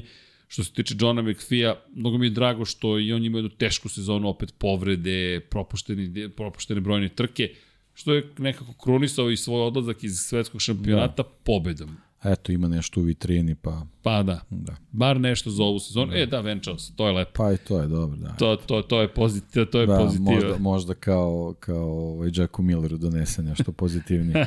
pa bilo, bilo bi lepo, ali da, John McPhee zaista je proživio nekoliko teških godina, uključujući i onaj stravičan pad pre da. koliko, 4-5 pa, godina u Australiji. Pa bukvalno, eto, i mog nekog ovaj, kandidata za titulu došle do toga da, da, ovaj, da, da, da budu u tom nekom proseku i vezano i za tabelu, tako da teške, težak period, eto, nadam se da, da, da, će, da će se i njemu nešto promeniti sa promenom kategorije. Ajde, deki, ja iskreno ubeđen sam da bi bio među vodećih 6-7 vozača da nije pa, bilo po, povrede. Po, po kvalitetu zaslužuje tu poziciju. Da, dobro, vidit ćemo i, i nastavlja on karijeru, samo što neće biti tamo gde, gde smo navikli da ga gledamo, ali sva ova imena će ti sresti na nekom drugom mestu ako nisu dobili produženje da. ugovora.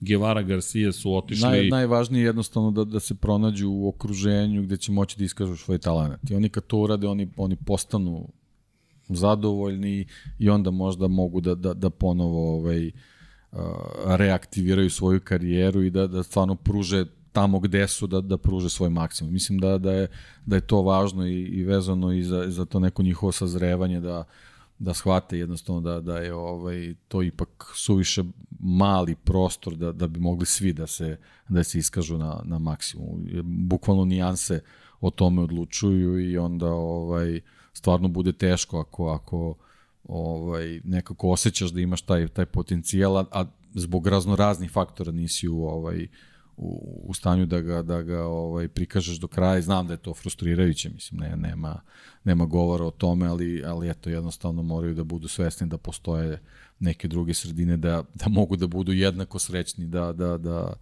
i da se bave onim, onim što vole. To je, to je u principu suština te priče. To važi i za Johna McPhee. A vraćamo se konstantno na isto. Pa da. Moraš da budeš ono što jesi. Tako je. Prosto to, to je jedini je. put do pravog uspeha. Može da ti se eventualno desi neki uspeh ili slučajno, ali pravi put jeste upravo to. Nema, nema neke veće filozofije ili manje filozofije od toga. Inače, što da. se tiče vesti, nema ih. ne, ne, da. najveća vest opet priča o tome vraćamo se nekako na, na, na neke razgovore, pripreme, čekanja, iščekivanja, testovi i tako dalje. Pa nekako ono, za, za, za motocikla, motociklizam je ključan taj odmor i, i trening to je ono što što ovaj jedino jedino što što je što je bitno za za vozače tako da nekako razumljivo iz tih razloga nema nemamo ni, ni, ni šta da saznamo ili jednostavno ovaj, nema sad ni nekih velikih promena u, u, u nekim drugim sferama, tako da ovaj, posebno ove godine ne možemo da očekujemo nešto pretarano do, do, do tih nekih ovaj, promocija i onda onda već kad to krene, onda će polako da dođu i testovi, pa eto, nekako pregurat ćemo i tu pauzu. Ma kako nećemo pregurati, ma vidi, ima puno promjena i kada reč o pravi, pro puno. Stižu nama i novi, no, stiže nam novi motor u Moto2 kategoriji i to je samo kao neka najava onoga o čemu ćemo pričati.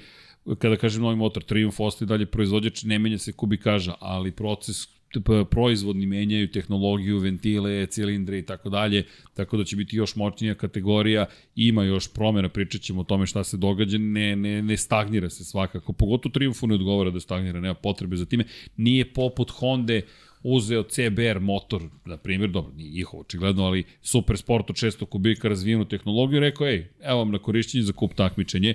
Ne, Triumph je razvio poseban motor koji je potom prešao u komercijalnu upotrebu, jer on je proizvodio 675 to je od 675 kubika motor, pa su napravili 765, pa ga prebacili u uličnu upotrebu i sad ovo je prilika da ti pokažeš svoj razvoj pa dobro, da, kompanije. Eto, Triumph koristi svoj jedini pravi izlet u, u, u, u vrhunski da, da, motociklizam, da, da, da to jednostavno nekako i unovči u svom marketingu, tako da to je, to je potpuno ok, a to je nešto što, je, što sasvim i odgovara kategoriji, tako da svi su tu ovaj, na dobitku. Ne yes. vjerujem da neko može da, da, da, da kaže da, da, da takav napredak ne treba. To je u stvari neki, neki, neki pravi iskonski napredak kakav smo imali i ranije u tim kategorijama. Tako da vidjet ćemo. Po, mislim, pozdravljam to generalno ovaj, kao, kao eto neki trud. Mislim, iako i da se nije ništa desilo, bilo bi sve okej, okay, ali lepo je što eto žele da, da ulože nešto što, što ovaj, kroz prizmu da ćemo dobiti eto kvalitetnije trke što kroz kroz njihovu ovaj kroz njihov interes da da da na tom marketinškom polju nešto nešto ovaj učari za sebe tako da super samo ne guraju Slažem se, samo napred, ljudi, tako to je, je poruka. Je. Hoćemo da odredimo jedan brzinski trening. Jedan trening i jako je važno da sastaviš jedan krug. To, mislim, to je, to je ovaj imperativ za ovaj put. Hoćemo da krenemo od tutoriala. Da ne kažemo putstava. Ne Kaže, to, uvek, baj, baj. to uvek preskočim, zato sam verovatno tako loš. Pa ti si mi da. rekao, moram da učim. Dobro, da ovo je sad već neka... A ovo su pravila, pa ne treba ti to, mislim. Misliš? Ako toliko godina to prenosiš, mislim da... A ne, ne, ne, ne, ne, ovo je bukvalno kako se kontroliše motocikl. A, dobro. Evo. Dakle, da, pravilnik, ako ne znam do sada. E, ok, autopilot complete a lap of the track. Eto, lepo kaže, zakompletira i jedan krug. Ja, ja, ja. Evo me, sad ja kontrolišem.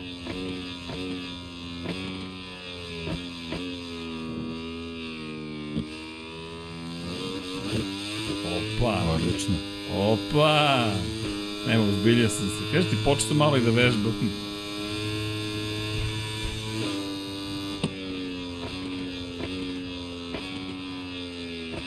stvari ja trebam ovde da gledam, nis, tamo no, kasnije. Ovu travicu sečem, da, da. ali dobro. Nema veze.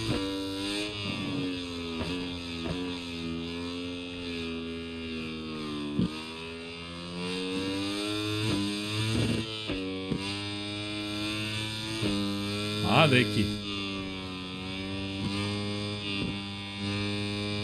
To je to. A? To je ta sigurnost. Bolje, bolje počinje.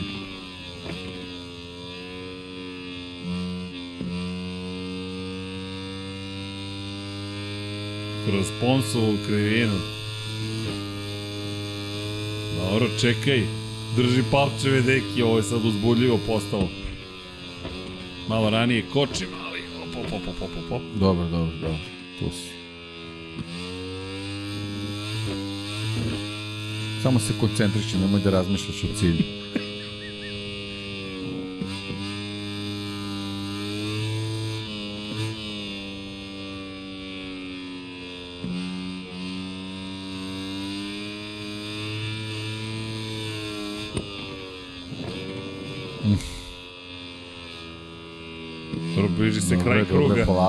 polako, polako, čuti, ne spominji ništa. Uf, dobro.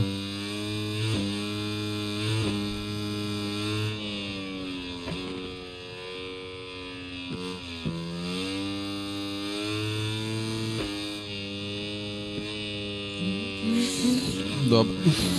Dobro je. Prežive smo uh, neki. Dobro je. Čekaj, nije još kraj, polako. Imamo još jednu ovo Lorenzo. Ovo ću stiljivo ovako. Ovako. Pun gas, to je to. to.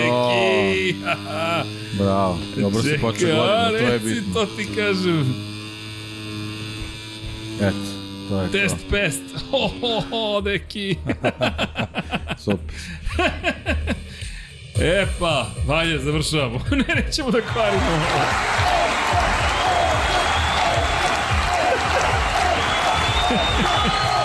Ovo je bilo dobro. Dobro, ništa, nek ostane štiklirano za sledeći put, dame i gospodo. da, u poslednjoj epizodi, u 23. vratit ćemo ovaj snimak. Vratit ćemo ovaj snimak. To, to. Da vidimo, da vidimo gde smo razliku, bili. Da, da, da. da. A dobro, nisam loš. Čekaj, bike control, pod štiklirano. Sad, ideal trajectory and curve indicators. A, da, da. E, taj deo dobro, priče, dobro. dobro. Super, super. Šta kažeš, Vanja? Sve lekcije sledeću nedelju. Vidi, taman, doći ćemo do sezone. Ja sam spreman, ali dobro. Hvala, Vanja. Vanja, jesi, čekaj, si navijao? A, je li bilo uzbolju? A? kao iz prve, pa iz prve, znaš, kao hvala. To je taj stav, to je coach kad mi kaže iz prve, ja dve godine već ne mogu da sastavim krug. Dobro. Pa ja bih u ovo ime i završio današnje druženje. Pa da. da. Premijera je danas, s obzirom na činjenicu da eto, imamo sticam okolnosti obaveze u večernjim satima. Inače, da, imam pitanje za vas, pošto imam uh, vesta, to je da naš dragi Pavle Živković, koji ne radi sa nama Moto Grand Prix podcaste, ali radi Formulu 1, utorkom će najvjerojatnije biti zauzet uh, uveče, s obzirom na činjenicu ćemo često se baviti da zapravo on će komentarisati Ligu šampiona u Waterpolu, pa eto pitanje za vas, pošto će to možda uticati i na Moto Grand Prix, da li bi vama smetalo ukoliko budemo menjali termin zapravo, bit ćemo u live-ovima, dakle nemamo plan da to promenimo, ali ukoliko budemo malo pomerali u napred neke stvari, vidjet ćemo, možda i ostane sreda za Moto Grand Prix, ali čisto eto razmišljanja, mi ne volimo da menjamo termine kada nešto tako postavimo, volimo da ostane, ali čisto pitanje za vas da li bi vam to smetalo ili ne. Sad, da li ćemo biti možda primorani da pomerimo za Formula 1 sigurno, za Moto Grand Prix vidjet ćemo još da li ćemo morati, ali čisto delimo sa vama informacije pošto je ovo bitno, nadam se i za vas kao i za nas. Udrite like, naravno, udrite share, subscribe, patreon.com kroz Infinity Lighthouse, posetite, kliknite join, ne znam da li ima dolar u samom premi, pri tokom premijere, nismo u live-u, ali udrite onaj znak dolara zato što tako podržavate celu ekipu, a imat ćemo neki, ja se nadam, vesti, sada kad završimo ovo snimanje imam jedan važan telefonski poziv, pa se nadam da ću vas obradovati u naredne 3 do 4 nedelje nekim zaista zanimljivim vestima. A ukoliko ne bude ništa, pa reći ću vam sledeće godine, ali nećemo odustati od nekih naših planova. A kada reč o Patreonima, prvo, pre nego što krenemo da čitamo imena, da vam kažem još jednom, lepe praznike i sa zakašnjenjem i unapred i šta god da slavite, kako god da slavite, uživajte, najvažnije da budemo dobri, pogotovo jedni prema drugima, mazite se i pazite se i budite dobri. A hvala posebno zaista i patronima i članovima na YouTube-u. Imamo novu muziku, pošto iako smo kupili prava na onu prethodnu muziku, stalno nam udaraju copyright claim, mi se žalimo, ali umorili smo se i onda smo rekli, dobro, promenili smo muziku. Ne, ali dobro, šta ćeš? Sad smo u escrow, to, to je trenutni moment. Tu Vanja je spremano, Vanja čekaj, ja nisam spreman, stani. Moraš da ga vratiš, moram da se okrenem na drugu stranu. Monitor sada je igrica, ali Pa da krenemo. Branimir Kovačev, Živojin Petković, Neđo Mališić, 352, Đurđica Martinović, Salim Okanović, Matija Binoto, Lj Đurović, Danka, Mladen Tešić, Đorđe Milanović, Stefan Vuletić, Marko Kostić, Jelena Veljković, Deđić Dalinja, Aleksa Valter, Ivan Milatović, Dušan Delić, Luka Martinović, Borislav Vukojević, Vojin Kostić, Martin, Marin Antunović, Aleksa Lilić, Sead Šantić, Dorijan Kablar, Matej Sopta, Igor Jakovski, Nikola Milosavljević, Marko Kozić, Šmele, Marko Petrekanović, Branimir Rijavec, Nemanja, Jasmina Pešić, Matija Rajić, Zoran Cimeša, Daniela Ilić, Đole Cheesehead, Andreja Miladinović, Borislav Jovanović, Miloš Radosavljević, LFC, Crnogorski džedaj, Grgo Živaljić, Vlada Ivanović, Jugoslav Krasnić, Andreja Branković, Nebojša Živanović, Ivan Rečević, Veselin Vukićević, Dimitrije Mišić, Ivan Ciger, Safet Isljami, Boris Erceg, Džigi, Bao, Branislav Kovačević, Optimistik Josh Allen fan, Aleksandar Jurić, Vladimir Filipović, Vladimir Petković, Đorđe Đukić, Miloš Todorov, Emir Mešić, Andrija Todorović, Ertan Prelić, Alen Stojčić, Bojan Markov, Bahter Abdurmanov, Darko Trajković, Dejan Đokić, Ferenc Laslofi, Branko Bisački, Žarko Milić, Aleksandar Milosavljević, Vukašin Jekić, Branislav Marković, Igor Vučković, Dejan Vujović, Nemanja Zagorac, Aleksandar Antonović, Novak Tomić, Boris Kujundžić, Tijana Vidanović, Da žena ne sazna, Dušan Petrović, Lazar Pejović, Alen Vuletić, Zoran Majdov,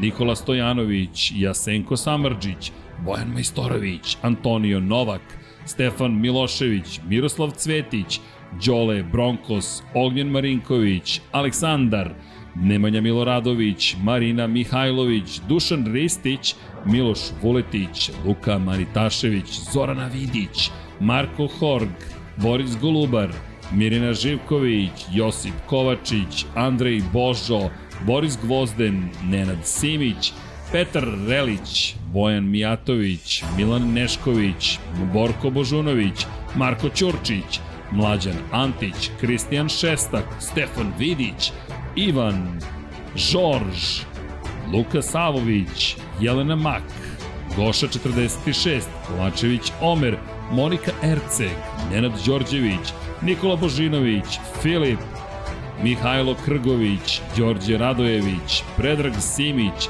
Ivan Simeunović, Anonimus, Donatorus, Zoran Šalamun, Aleksa Vučaj, Miloš Banduka, Mario Vidović, Zoltan Mezeji, Stefan Lešnjak, Ivan Maksimović, Toni Ruščić, Anonimus Donatorus, Marko Bogavac, Nikola Grujičić, Marko Mostarac, Mladen Krstić, Anonimus Donatorus, Stefan Dulić, Ivan Toškov, Sava Dugi, Jelena Jeremić, Ozren Prpić, Nikola Niksi, Miloš Zed LFC, Ljena Milutinović, Vukašin Vučenović, Din Stero, Resničanin, Aleksandar Kockar, Lav Lav, Veselin Vukićević, Koja 7, Almir Vuk, Igor Ilić, Vuk, Đorđe Janjić, MS13, Drago Veković, Korespondent, korespondent, Kosta Berić, Ivan Vincetić, Bojan Gitarić, Igor Ninić, Milan Bacić,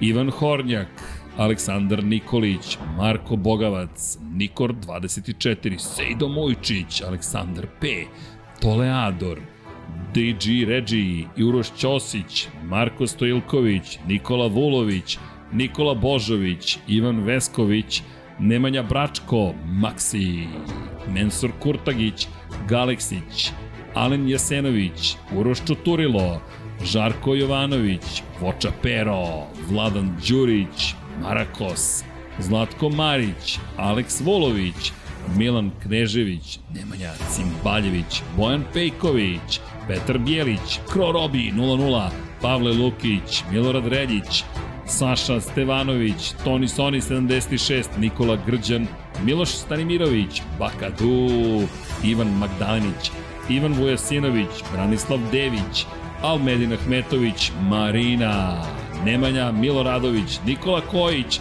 Vlada Ivanović, Oliver Nikolić, Jelena Jeremić, Anonimus Donatorus, Nemanja, Bojan Markov. Već znam kako završavamo sa gospodinom Markovim. Pa, dame gospodo, nadam se da ste uživali. Lab 76 broj 263, kao što rekao, ko će sve to pobrojati? Stiže nam 300 to izdanje, deki, ne znam da li si svesto. Sparta. Sparta! Čekaj, moramo se dovedemo u redu tada. U, ja imam već ovaj, jednu fotku, neko mi je napravio već. Pokazat ću možda jednom. Možda jednom, da, da, da. Ako budem odvezao krug bez greške, idealnom trajektorijom i pogodim sve indikatore skretanja, pa ajde, potrudit ćemo se da se to desi. Šta ti kažem, deki standardno zadovoljstvo je uvek videti te Takođe. i pričati sa tobom uvek sam pametniji posle naših razgovora, zaista se tako osjećam i dao si mi neke vrlo zanimljive ideje šta i da pratim tokom trka sada. Moj doktor, profesor, a mentore, mislim da možete biti zadovoljni, bike control je rešen. Znaš kao, udrite like za bike control. Elem, mi vas pozdravimo cijela ekipa Infinity Lighthouse-a, bila je jedna raspoložena ekipa, tu je Vanja, koleginica iz prode tamo, Peter je tu, Pera koji samo za 99 yardi se motiviše, ali to ćemo da rešimo, što je neka šala interna i naravno gospodin Dejan Potkonjak i moja malenkost Srđan Ercik. Što da vam kažemo, budite srećni, lepi, veseli i naravno, čao, čao svima! svima.